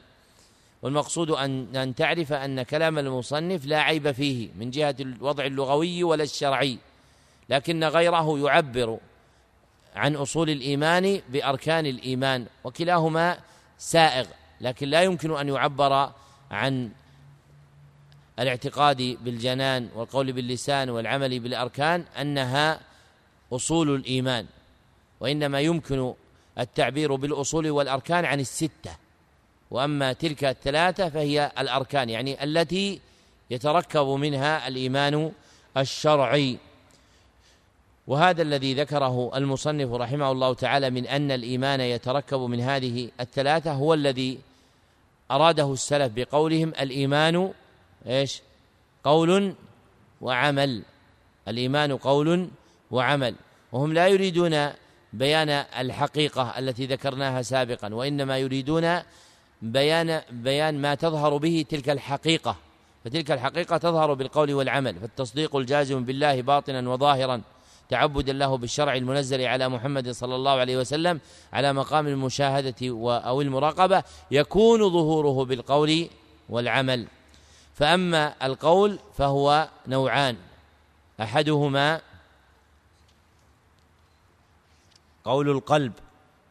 أحدهما قول القلب. إيش؟ ها يوسف. أحسن. وهو اعتقاده وتصديقه. وهو اعتقاده وتصديقه. كاعتقاد أن الله واحد أو اعتقاد أن الملائكة خلقوا من نور. هذا يسمى قولا للقلب. والآخر قول إيش؟ قول اللسان. قول اللسان. وهو ها يوسف.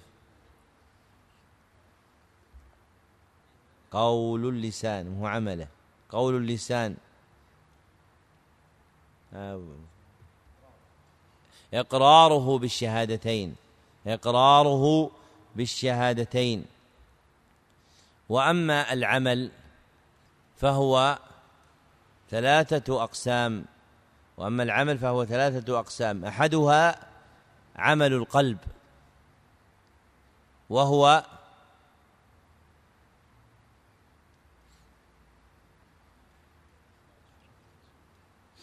ها يا وليد.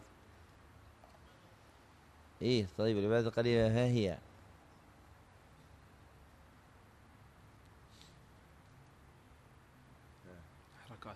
أحسنت. وهي حركاته وإراداته. وهي حركاته وإراداته. كالخشية والخوف والتوكل. ففرق بين قول القلب وعمل القلب. قول القلب ما هو؟ هو الاعتقاد والتصديق. الاعتقاد والتصديق والإقرار. وأما عمل القلب فهو حركته. وكل حركة لها اتجاه يبينه حقيقتها فالتوكل غير الخشية والخشية غير الإنابة وهي حركات للقلب.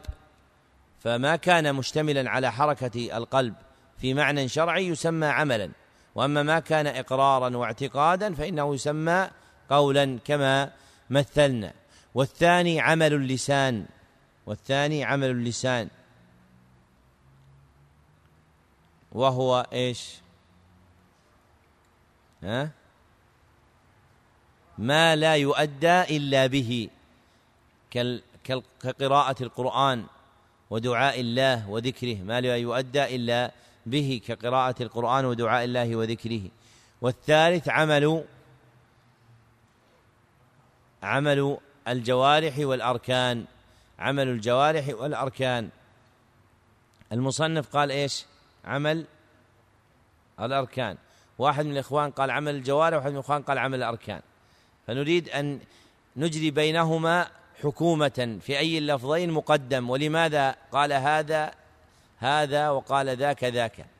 لا خلي قال عمل الأركان. أنت يا أخي؟ اللي قال عمل الأركان الجهادي. ما حد قال؟ خلنا نشوف الثاني الذي قال الجوارح. ها؟ قلت الأركان؟ طيب لماذا قلت الأركان؟ يمكن الأخ اللي هنا قال الجوارح بعد. أحد قال الجوارح هنا؟ طيب هذول تنازلوا نعم. لماذا قلت الأركان؟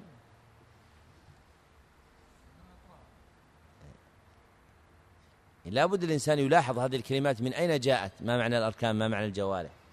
الأركان جاءت باعتبار صورة الإنسان فإنه مكون من أركان يعني أجزاء وأبعاض.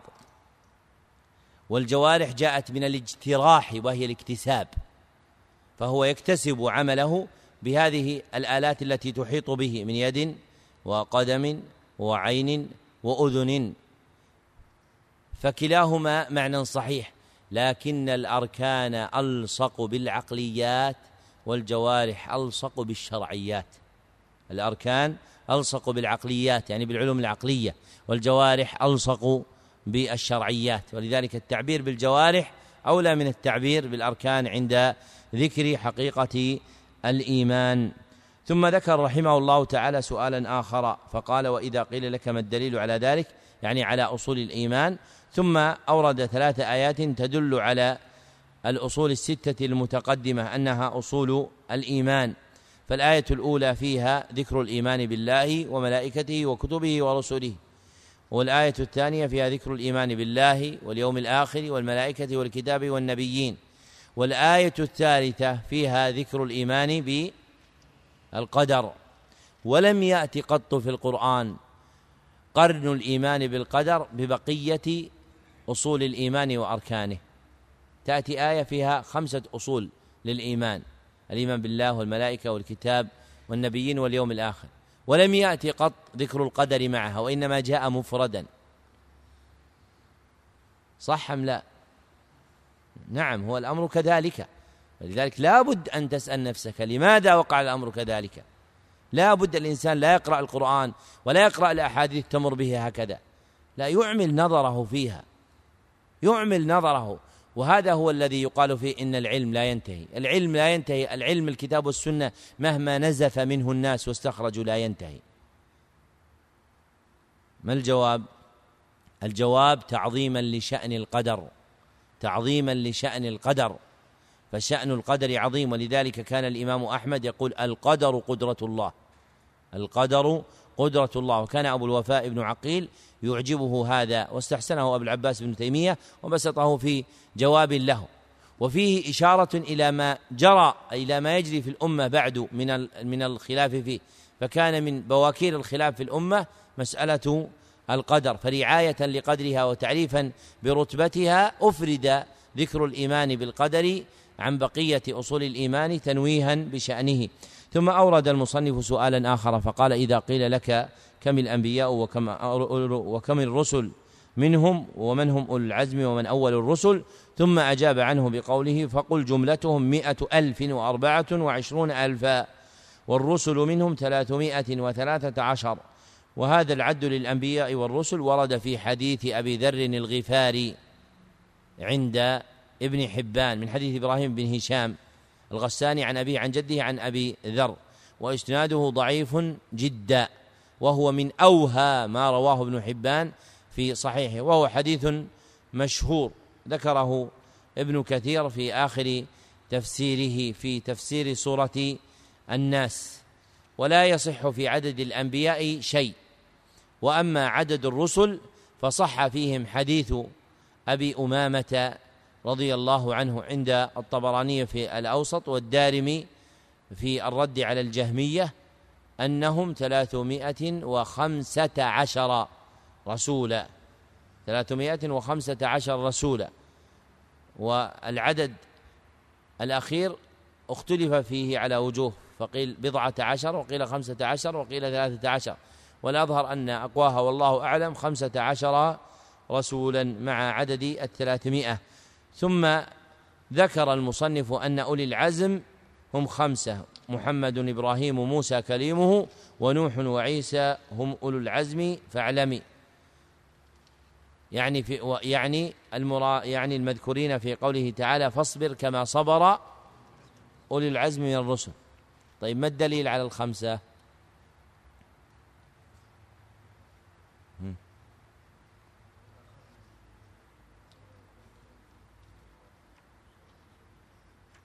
طيب. ما في إنهم هم أولي العزم. طيب جمع جمع للخمسة هؤلاء. ما في إنهم أولي العزم. في القرآن آيتين آيتان جمع فيها الخمسة. شرع لكم من الدين ما وصى به نوح الذي أوحينا إليك. إلى تمام الآية. طيب هؤلاء هذا جمع للخمسة لكن ليس فيه أنهم أولو العزم. جمع للخمسة. ليس فيهم أنهم أولي العزم.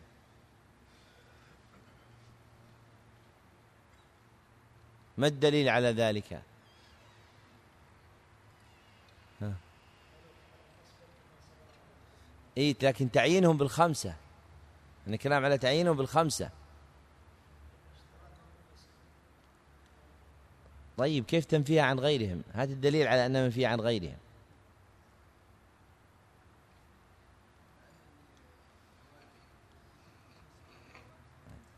الدليل على ذلك حديث الشفاعة الطويل في الصحيحين فإن الناس في الآخرة يفزعون إلى من؟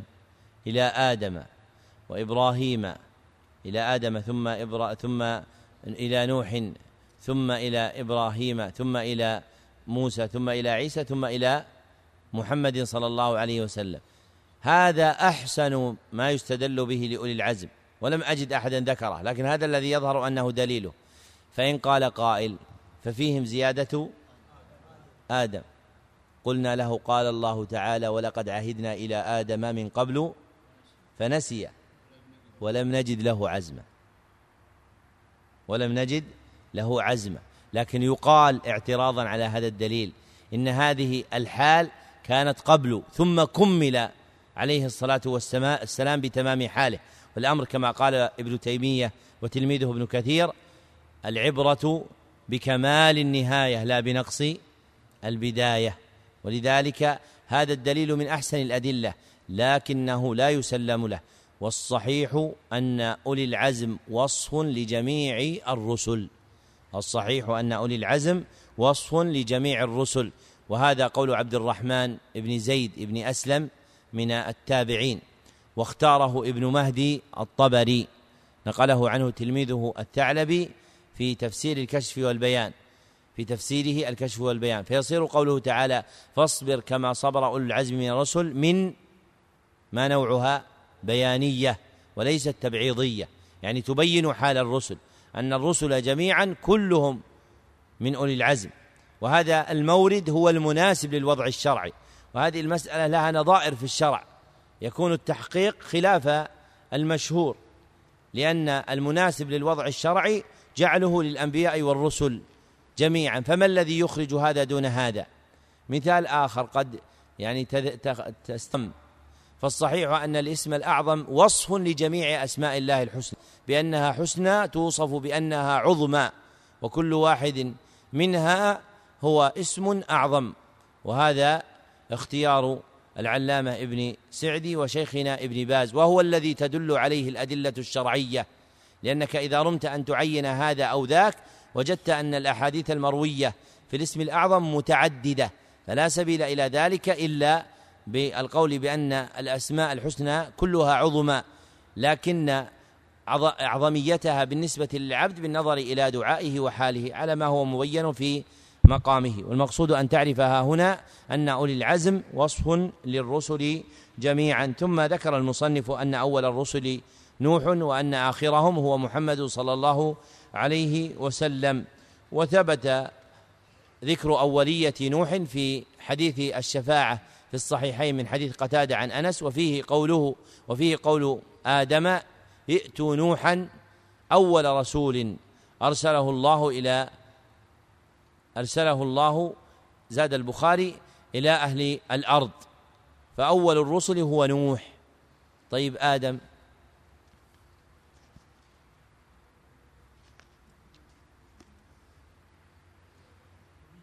أحسن. أول الأنبياء أول الأنبياء. فأولية النبوة إلى آدم عليه الصلاة والسلام وأولية الرسالة إلى نوح عليه الصلاة والسلام. ثم أورد سؤالا آخر فقال وإذا قيل لك كم أنزل الله من الكتب السماوية؟ يعني المنسوبة إلى التنزيل الإلهي. يعني المنسوبة إلى التنزيل الإلهي لأن الله في السماء. فيقال الكتب السماوية لأنها تنزل من الله والله في السماء. ولا يقال الأديان السماوية. ولا يقال الأديان السماوية. لماذا؟ أحسنت. لأن الدين الإلهي واحد. لأن الدين الإلهي واحد. ثم أجاب عنه بقوله فقل مئة صحيفة وأربعة كتب. ثم أورد سؤالا آخر فقال وإذا قيل لك ما هي الكتب؟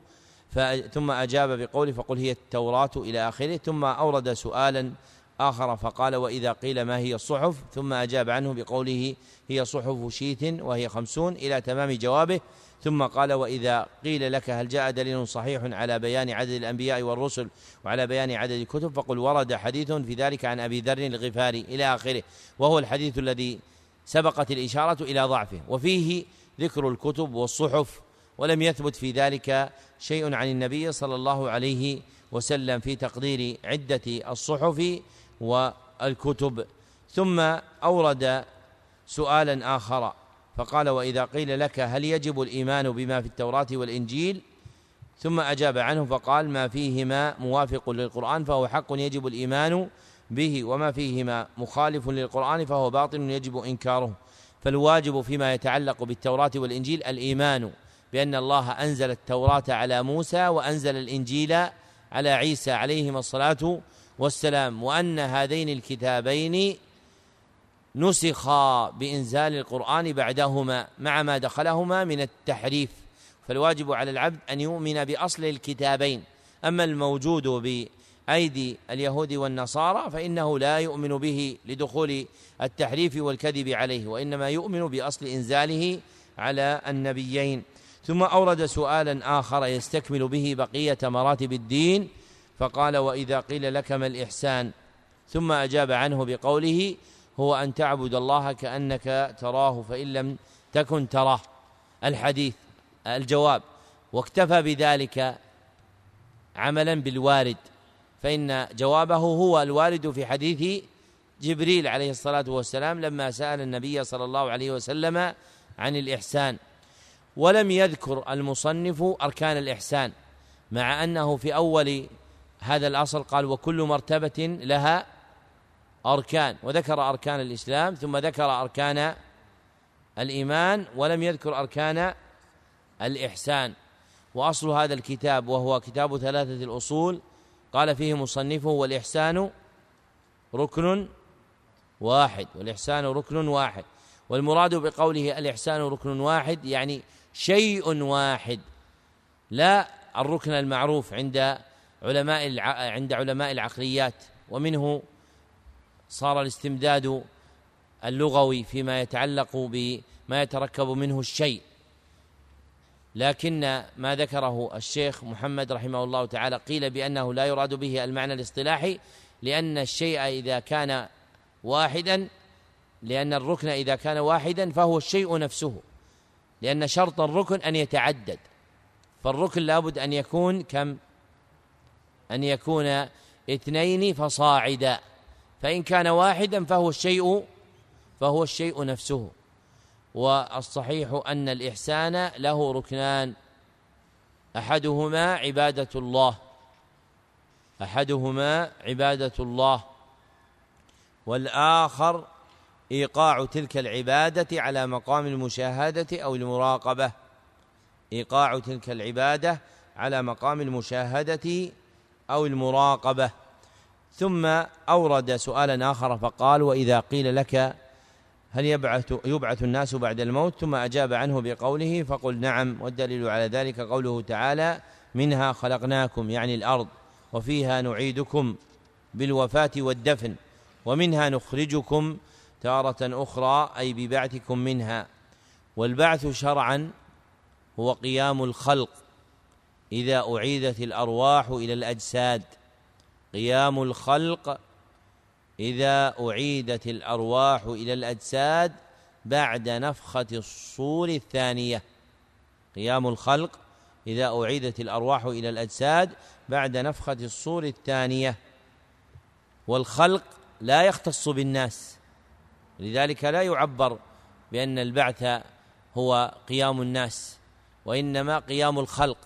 وما جاء في بعض النصوص الشرعية من ذكر قيام الناس فلأنهم هم المخاطبون بالأمر والنهي تعظيما لمقامهم بالقيام حينئذ لا حصرا للقيام بهم. ثم ختم هذا الأصل بقوله وإذا قيل لك هل يكفر منكر البعث ثم أجاب عنه بقوله فقل نعم والدليل على ذلك قوله زعم الذين كفروا أن لن يبعثوا. قل بلى وربي لتبعثن ثم لتنبؤن بما عملتم. الآية ما دلالة الآية على كفر منكر البعث؟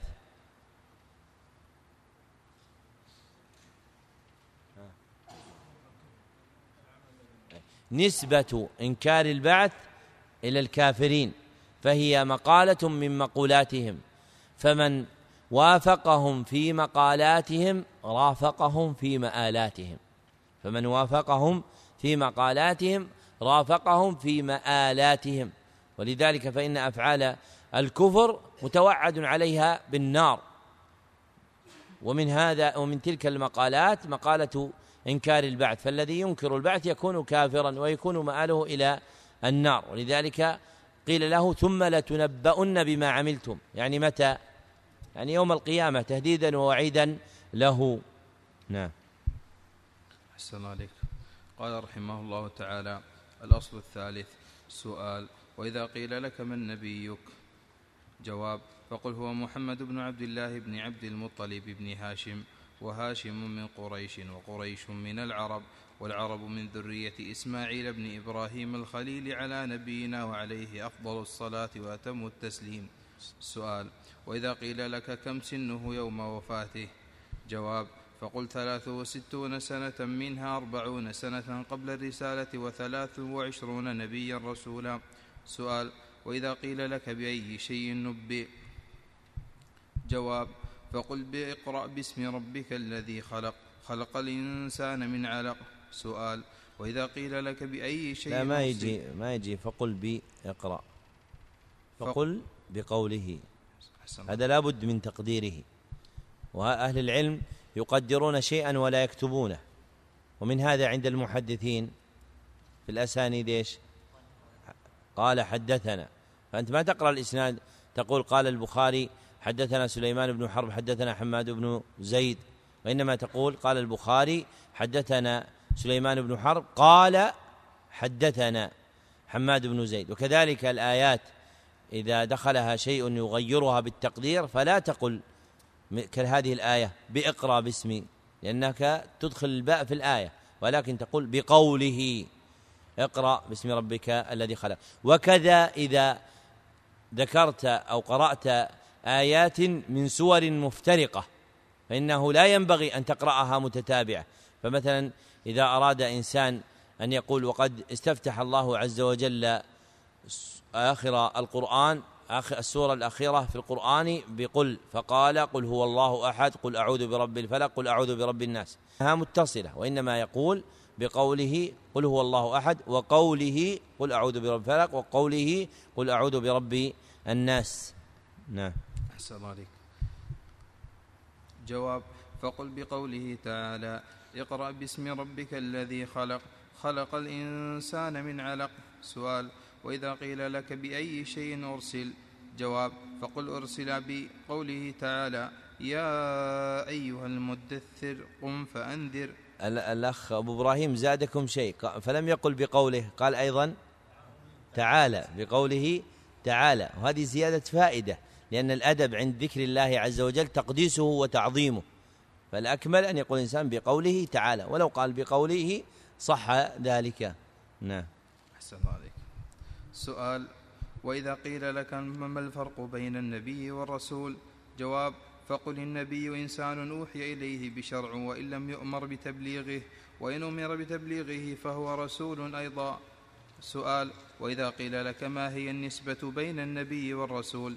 جواب فقل العموم والخصوص المطلق فكل رسول نبي وليس كل نبي رسول. والرسول أفضل ليس كل نبي رسولا وليس كل وليس كل نبي رسولا والرسول أفضل من النبي إجماعا لتميزه بالرسالة التي هي أفضل من النبوة. سؤال وإذا قيل لك هل من الملائكة رسل؟ جواب فقل نعم منهم رسل وليس فيهم أنبياء. فعلى هذا الاعتبار تكون النسبة بين النبي والرسول العموم والخصوص الوجهي. فيجتمعان في النبي الرسول وينفرد الرسول في الملك والنبي في البشر. سؤال وإذا قيل لك هل أرسل نبيا مح هل أرسل, نبي هل أرسل نبينا محمد صلى الله عليه وسلم للناس كافة أم لبعضهم؟ جواب فقل أرسل للناس كافة عربهم وعجمهم إنسهم وجنهم. سؤال وإذا قيل لك ما الدليل على ذلك؟ جواب فقل قوله تعالى وما أرسلناك إلا كافة للناس وقوله تعالى قل يا أيها الناس إني رسول الله إليكم جميعا. سؤال وإذا قيل لك ما الدليل على أن نبينا محمدا صلى الله عليه وسلم خاتم الأنبياء؟ جواب قوله تعالى ما خاتموا. أحسن الله عليك. سؤال وإذا قيل لك ما الدليل على أن نبينا محمدا خاتم الأنبياء؟ جواب قوله تعالى ما كان محمد أبا أحد من رجالكم ولكن رسول الله وخاتم النبيين. سؤال وإذا قيل بأي مكان ولد وبأي مكان توفي؟ جواب فقل ولد بمكة وأول ما أوحي إليه بها وتوفي بالمدينة بعدما هاجر إليها. ودفن جسمه وبقي علمه. عبد لا يعبد ورسول لا يكذب بل يطاع ويتبع صلوات الله وسلامه عليه وعلى سائر الأنبياء والمرسلين. سؤال وإذا قيل كم أجداد النبي صلى الله عليه وسلم إلى عدنان؟ جواب فقل هم واحد وعشرون. وجمعهم بعض العلماء بقوله أبوه عبد, أبوه عبد الله عبد المطلب وهاشم عبد مناف قد حسب ثم قصي وكلاب مرة كعب لؤي للكرام غرة وغالب فهر ومالك النضر ومالك النضر كنانة خزيمة به افتخر مدركة إلياس ثم مضر نزار أيضا ومعد حرك. ذكر حرك حرك مدركة إلياس ثم مضر نزار أيضا ومعد ذكر ثم عدنان وعنده وقف. متفق الأقوال عند من سلف. سؤال وإذا قيل لك من هم أولاد النبي صلى الله عليه وسلم؟ جواب فقل هم القاسم وعبد الله وهو الطاهر والطيب ولد له في الإسلام. وبعضهم يقول المطهر والمطيب ويجعلهم آخرين غير عبد الله. وإبراهيم بن مارية القبطية وفاطمة وزينب ورقية وأم كلثوم وكلهم من خديجة إلا إبراهيم. سؤال وإذا قيل لك منهن زوجات النبي صلى الله عليه وسلم؟ جواب فقل أولهن خديجة ثم سودة ثم عائشة ثم حفصة ثم أم سلمة ثم, جوي ثم جويرية بنت الحارث ثم زينب بنت جحش ثم زينب بنت خزيمة ثم ريحانة بنت زيد ثم أم حبيبة بنت أبي سفيان ثم ثم صفية بنت حيي ثم ميمونة بنت الحارث رضوان الله تعالى عليهن. سؤال وإذا قيل لك كم زوجاته اللاتي توفي عنهن صلى الله عليه وسلم؟ وإذا قيل لك كم زوجاته اللاتي توفي صلى الله عليه وسلم عنهن؟ جواب فقل تسع ذكرهن بعضهم بقوله توفي رسول الله عن تسع نسوة إليهن تعزى المكرمات وتنسب. فعائشة ميمونة وصفية وحفصة تتلوهن هند وزينب جويرية مع رملة ثم سودة ثلاث وست ذكرهن مهذب. لما فرغ المصنف رحمه الله تعالى من بيان الأصلين الأولين وهما معرفة الله ومعرفة دين الإسلام ختم ببيان الأصل الثالث وهو معرفة الرسول محمد صلى الله عليه وسلم. واستفتح ذلك بقوله سؤال وإذا قيل لك من نبيك؟ ثم أجاب عنه بقوله فقل هو محمد بن عبد الله ابن عبد المطلب ابن هاشم. وأنهى جر نسبه إلى جده هاشم لأنه كان من أشهر أجداده وأجلهم قدرا عند العرب. ثم ذكر أن قريشا من العرب وأن العرب من ذرية إسماعيل بن إبراهيم. وقوله والعرب من ذرية إسماعيل نص في أن العرب جميعا من عدنان وقحطان ترجع إلى إسماعيل. وهذا هو القول الصحيح وهو قول محمد بن إسحاق والزبير بن بكار.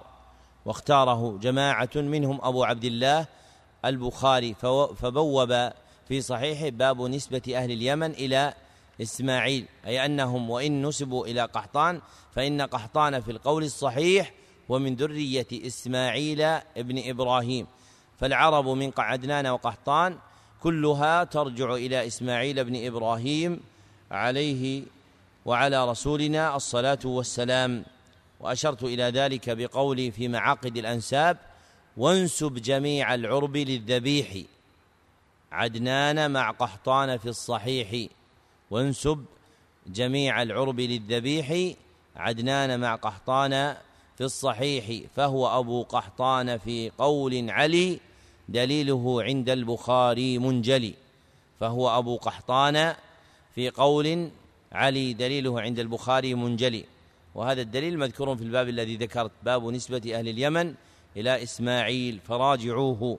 ثم أورد سؤالا آخر فقال وإذا قيل لك كم سنه يوم وفاته يعني مقدار عمره صلى الله عليه وسلم ثم أجاب عنه بقوله فقل ثلاث وستون سنة منها أربعون قبل الرسالة وثلاث وعشرون نبيا رسولا.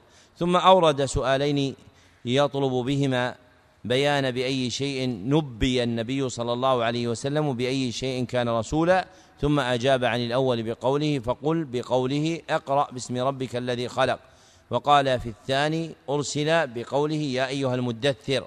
يعني أن النبي صلى الله عليه وسلم ثبت له من الوحي درجتاه. فإن وحي البعث له درجتان. فإن وحي البعث له درجتان. الأولى درجة النبوة والثانية درجة الرسالة. الأولى درجة النبوة والثانية درجة الرسالة. فلما أنزل عليه قوله تعالى اقرأ باسم ربك الذي خلق ثبتت له درجة النبوة. ففي إنزال هذا الكتاب عليه إعلام بأنه عبد أوحى الله عز وجل إليه وأقل رتبة وحي البعث أن يكون نبيا. فلما أنزل عليه قوله تعالى يا أيها المدثر قم فأنذر علم أنه مأمور بنذارة قوم وهؤلاء القوم الذين أمر بإنذارهم هم قوم مخالفون لدين الله عز وجل فثبتت له بذلك رتبة الرسالة درجة الرسالة فصار نبيا رسولا. ثم أورد سؤالا آخر فقال وإذا قيل لك ما الفرق بين النبي والرسول؟ ثم أجاب عنه بقوله فقل النبي. إنسان أوحي إليه بشرع ولم يؤمر بتبليغ وإن لم يؤمر بتبليغه. وإن أمر بتبليغه فهو رسول أيضا. فالفرق عنده بين الرسول والنبي أن الرسول يؤمر بالتبليغ وأن النبي لا يؤمر بالتبليغ مع اجتماعهما في في الوحي وحي البعث. طيب ما المراد ب لم يؤمر بالتبليغ؟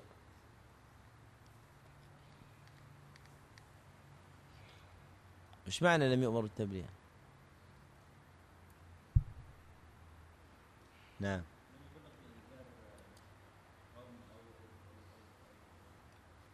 يعني يوصلهم الرسالة التي بعث بها. ها.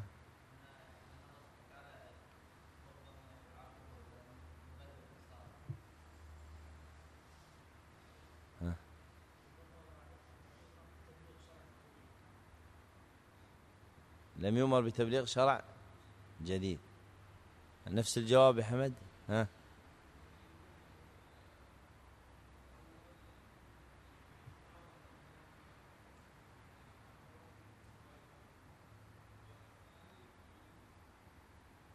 يعني معنى لم يؤمر التبليغ لم يوصل الرسالة؟ يعني يصير وحي خاص له؟ طيب إذا صار معنى لا يؤمر التبليغ إيش؟ والأمر بالتبليغ يحتمل معنيين. أحدهما إيصال الرسالة التي بلغه الله إياها والآخر قتال المخالفين عليها. والآخر قتال المخالفين عليها. والأول لا يحتمل القول به بخلاف الثاني. والأول لا يحتمل القول به بخلاف الثاني. يعني أن يكون معنى لا يؤمر بالتبليغ أن يوحى إليه بوحي بعث ثم لا يؤمر بأن يوصله إلى غيره هذا لا يحتمل لأنه ليس هناك نبوة خاصة كما في الأدلة. وأما الثاني وهو أنه لا يؤمر بقتال المخالفين يصير المعنى أن النبي من أوحي إليه ولم يؤمر بالتبليغ ما معنى لم يؤمر بالتبليغ؟ يعني لم يؤمر بقتال المخالفين. لم يؤمر بقتال المخالفين فلا يكون مقاتلا له ومنه ما في بني إسرائيل كما في قوله تعالى قالوا ابعث لنا ملكا نقاتل إيش؟ في سبيل الله فهم سألوا النبي أن يسأل الله عز وجل الإذن بالمقاتلة ببيع المقاتلة. فهذا معنى الأمر بالتبليغ وعدمه عندما يذكر في هذا المقام في أصح الموردين له. والله أعلم. والأرجح والله أعلم أن الفرق بين النبي والرسول ليس مرده إلى هذا وإنما مرده إلى أن الرسول يبعث إلى قوم مخالفين والنبي يبعث إلى قوم موافقين. وهو اختيار أبي العباس بن تيمية في كتاب النبوات. فصار الرسول شرعا إنسان رجل رجل إنسي حر. أوحي إليه وبعث إلى قوم مخالفين. رجل إنسي حر. أوحي إليه وبعث إلى قوم مخالفين. ويكون النبي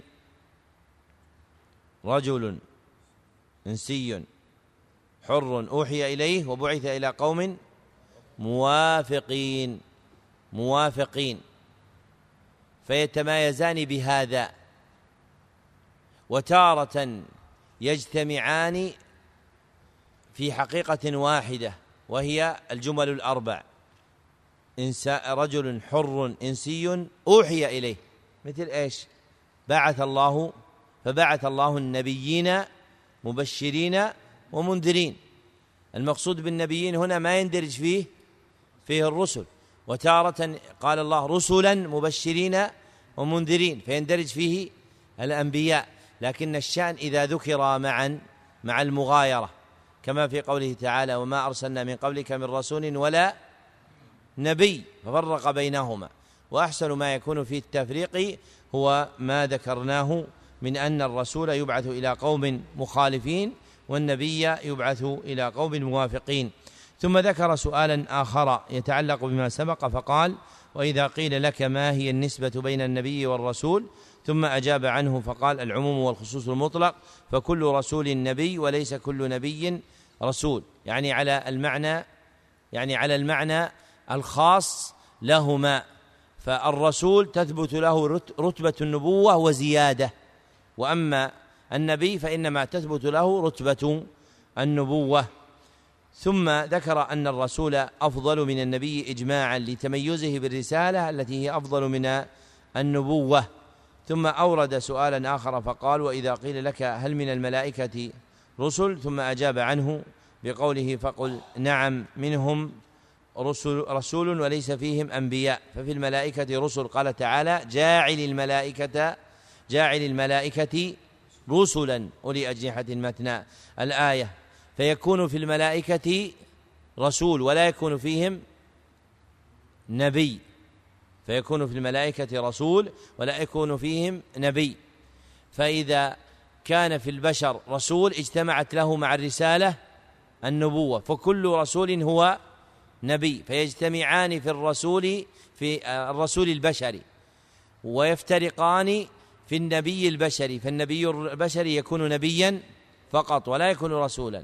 والرسول الملكي يكون رسولا فقط ولا يكون ولا يكون نبيا. ثم وهذا هو الذي أراده المصنف بقوله فعلى هذا الاعتبار تكون النسبة بين النبي والرسول العموم والخصوص والخصوص الوجهي أي أن كل واحد منهما يكون عاما من وجه خاصا من وجه آخر على ما بيناه. ثم قال سؤال وإذا قيل لك هل أرسل نبينا محمد للناس كافة أم لبعضهم؟ ثم أجاب عنه بقوله أرسل للناس كافة عربهم وعجمهم إنسهم وجنهم. وإدراج الجن لا يخالف قوله أرسل للناس لأن الجن من الناس فالإنس والجن كلاهما ناس فأصل مادة الناس من النوس وهو الحركة والاضطراب. فيقال للجن ناس في أصح قولي أهل العربية وهو قول ثعلب من أئمة اللغة. ثم أورد الدليل على ذلك وهو قوله تعالى وما أرسلناك إلا كافة للناس يعني لجميع الناس. وقوله قل يا أيها الناس إني رسول الله إليكم جميعا ثم أورد سؤالا آخر فقال وإذا قيل لك ما الدليل على أن نبينا محمدا خاتم الأنبياء؟ ثم أجاب عنه بقوله جواب قوله تعالى ما كان محمد أبا أحد من رجالكم ولكن رسول الله وخاتم النبيين. وفي القراءة الأخرى وخاتم النبيين. فالفتح والكسر في التاء كلاهما قراءة سبعية متواترة وهما دالان على أن آخر المبعوث إلى هذه الأمة نبيا هو محمد صلى الله عليه وسلم. وفي الصحيحين أن النبي صلى الله عليه وسلم قال وإنه لا نبي بعدي فنفى أن يكون بعده نبي. ثم أورد سؤالا آخر فقال وإذا قيل بأي مكان ولد وبأي مكان توفي ثم أجاب عنه فقال فقل ولد بمكة البلد المعروف بالحجاز. وأول ما أوحي إليه بها يعني بمكة وتوفي بالمدينة بعدما هاجر إليها وكانت تسمى في الجاهلية إيش؟ يثرب ثم سميت بالمدينة والأشرف نسبتها إلى النبي صلى الله عليه وسلم فيقال المدينة النبوية وهذا أشرف أسمائها ويجوز أن يقال المدينة المنورة لكن الأول أولى لشرفها بشرف النبوة فإنها ما صارت منيرة إلا بكون النبي صلى الله عليه وسلم فيها حيا وميتا صلى الله عليه وسلم. ثم قال ودفن جسمه وبقي علمه يعني دينه الذي بعث به وهو عبد لا يعبد ورسول لا يكذب. فهذه هي مرتبته التي رضيها صلى الله عليه وسلم لنفسه. ففي صحيح البخاري أنه قال إنما أنا عبد الله ورسوله. فقولوا عبد الله ورسوله. رواه من حديث عبيد الله بن عبد الله عن ابن عباس عن عمر رضي الله عنه. ثم أورد سؤالا آخر. يتعلق بنسب النبي فقال وإذا قيل كم أجداد النبي صلى الله عليه وسلم إلى عدنان ثم أجاب بقوله فقل واحد وعشرون. وجمعهم بعض العلماء بقوله أبوه عبد الله عبد المطلب إلى آخره. وانتهى عد أجداد النبي صلى الله عليه وسلم على وجه القطع إلى عدنان. فالإجماع منعقد على عدهم على هذا الترتيب إلى عدنان. نقله ابن كثير في البداية والنهاية وابن حجر في فتح الباري. وما بعد عدنان فهو مختلف فيه وهو نوعان. أحدهما ما هو مختلف فيه يصح منه شيء ما هو مختلف فيه يصح فيه شيء منه شيء وهو ما بين عدنان إلى إبراهيم عليه الصلاة والسلام. والآخر ما لا يصح فيه شيء أبدا وهو ما بين إبراهيم إلى آدم. لأن المنقول فيه هو ما في كتب أهل الكتاب.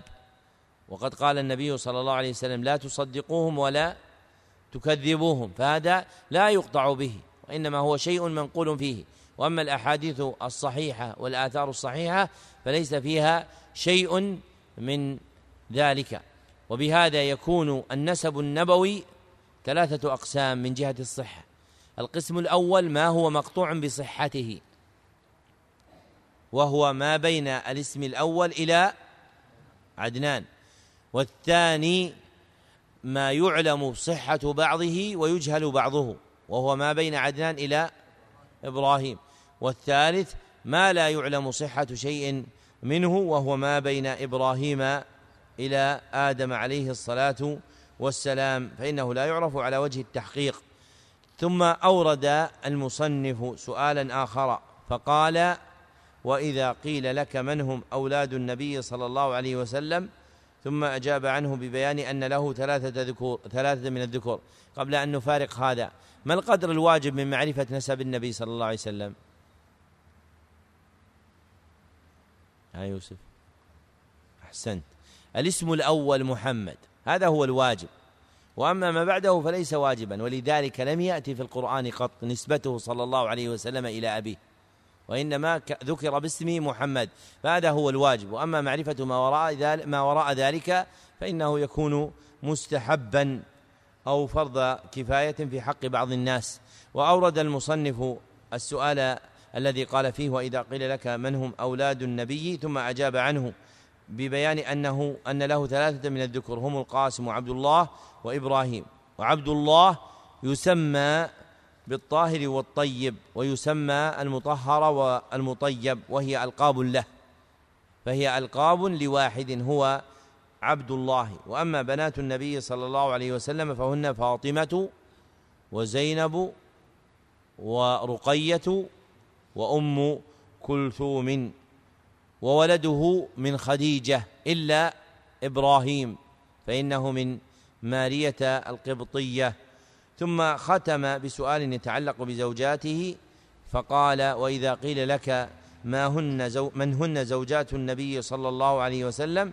ثم أجاب عنه بقوله فقل أولهن خديجة ثم سودة ثم عائشة إلى تمام عدهن. والصحيح في ريحانة بنت زيد أنها سرية من سرار النبي صلى الله عليه وسلم ولم تكن زوجة من زوجاته وهذا اختيار أبي عبد الله ابن القيم. ثم ختم بقوله وإذا قيل لك كم زوجاته اللاتي توفي صلى الله عليه وسلم عنهن فقل تسع. ذكرهن بعضهم بقوله توفي رسول الله عن تسع نسوة إليهن تعزى المكرمات وتنسب إلى تمام الأبيات. فما فمات النبي صلى الله عليه وسلم عن هؤلاء التسع المعدودات اللواتي بقين بعده رضي الله عنهن. وقد أحسن المصنف ببراعة الختم. أين براعة الختم عند المصنف ها يوسف. أي بذكر الوفاة. بذكر الوفاة. وفاة النبي صلى الله عليه وسلم عن زوجاته. فهو قد استوفى ما أراده من كتابه. فجعل آخر مطالب كتابه هو بيان ذلك. وبهذا تم إقراء الكتاب على وجه يناسب المقام. وهذا الكتاب أخبرني الشيخ الذي قرأته عليه هذا الكتاب وهو الشيخ زهير الشاويش أنه قرأه على الشيخ بن مانع في مدينة الدوحة قبل أكثر من ستين سنة لأنه كان معلما في المدارس هنا. ثم رجع إلى بلاده في الشام ومستقره الآن في بيروت فهو قرأه في الدوحة. وها هنا الحمد لله أعدنا هذا قراءته في الدوحة. وهو من أولى الكتب التي ينبغي أن ينشرها أهل الدوحة لأنه كان مقررا تعليميا في المدرسة الأثرية. كان هذا الكتاب مقرر تعليمي. ومحمد بن مانع هو واضع أسس التعليم في قطر. كما أنه واضع أسس التعليم في المملكة العربية السعودية وفي البحرين. فهذا الرجل له منة على أهل الخليج. فكان هو المحرك من العلماء لأمر التعليم. وغيره كابن محمود في في آه، كان في قطر ولا في البحرين؟ التاجر المحسن في قطر كان في قطر وكان أيضا له مدارس تتبعه في البحرين وهي المدارس الأثرية كانت أيضا في البحرين من كانت من إحسان بن محمود بالإضافة إلى من من كان في في البحرين أو في الإمارات ممن أنشأوا المدارس من المحسنين وأهل العلم. فالمنة على البلاد الخليجية خاصة في التعليم هي لأهل الديانة من العلماء وأهل الإحسان من التجار وليست لغيرهم من أهل التغريب والعلمنة والليبرالية فهؤلاء قوم دخلاء على التعليم في في البلاد الخليجية وأساس التعليم فيها كما كان في البلاد الإسلامية قاطبة كان هو التعليم الديني وهو الذي شيد ما هم فيه اليوم من خير فمن حق هذا التعليم عليهم أصلا أن يحفظوا شكره بالحرص عليه ببثه ونشره وطباعة كتبه النافعة ومن جملتها هذا الكتاب.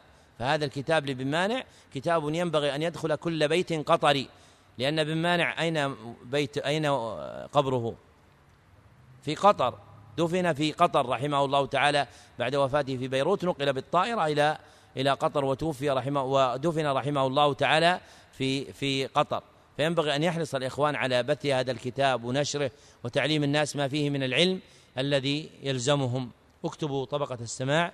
سمع علي جميع القول السديد بقراءة غيره. صاحبنا فلان بن فلان بن فلان بن فلان. هذا هذا يا أخ يوسف. هذا اسمك؟ طيب أين اسم أبيك؟ طيب كيف نعرف أنه علي؟ قد يكون اسم مركب. يوسف علي حسن. إيوه يوسف ابن علي. ليس في العرب هذه الطريقة. هذا ليست في العرب. إنما يقول الإنسان يوسف ابن علي ابن حسن. يوسف بن علي بن حسن. هكذا يكون يعرف اسم أبيه واسم جده. فتم له ذلك في كم مجلس؟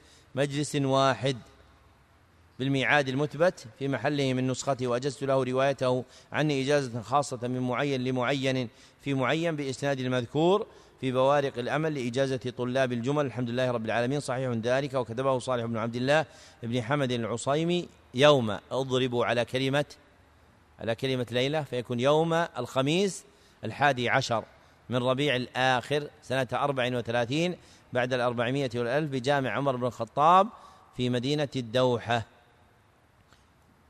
لقاؤنا إن شاء الله تعالى بعد العصر في كتاب المعجم المختار من الأحاديث النبوية القصار وفق الله الجميع لما يحب ويرضى الحمد لله رب العالمين وصلى الله وسلم على عبد رسوله محمد وآله وصحبه أجمعين والسلام عليكم ورحمة الله وبركاته.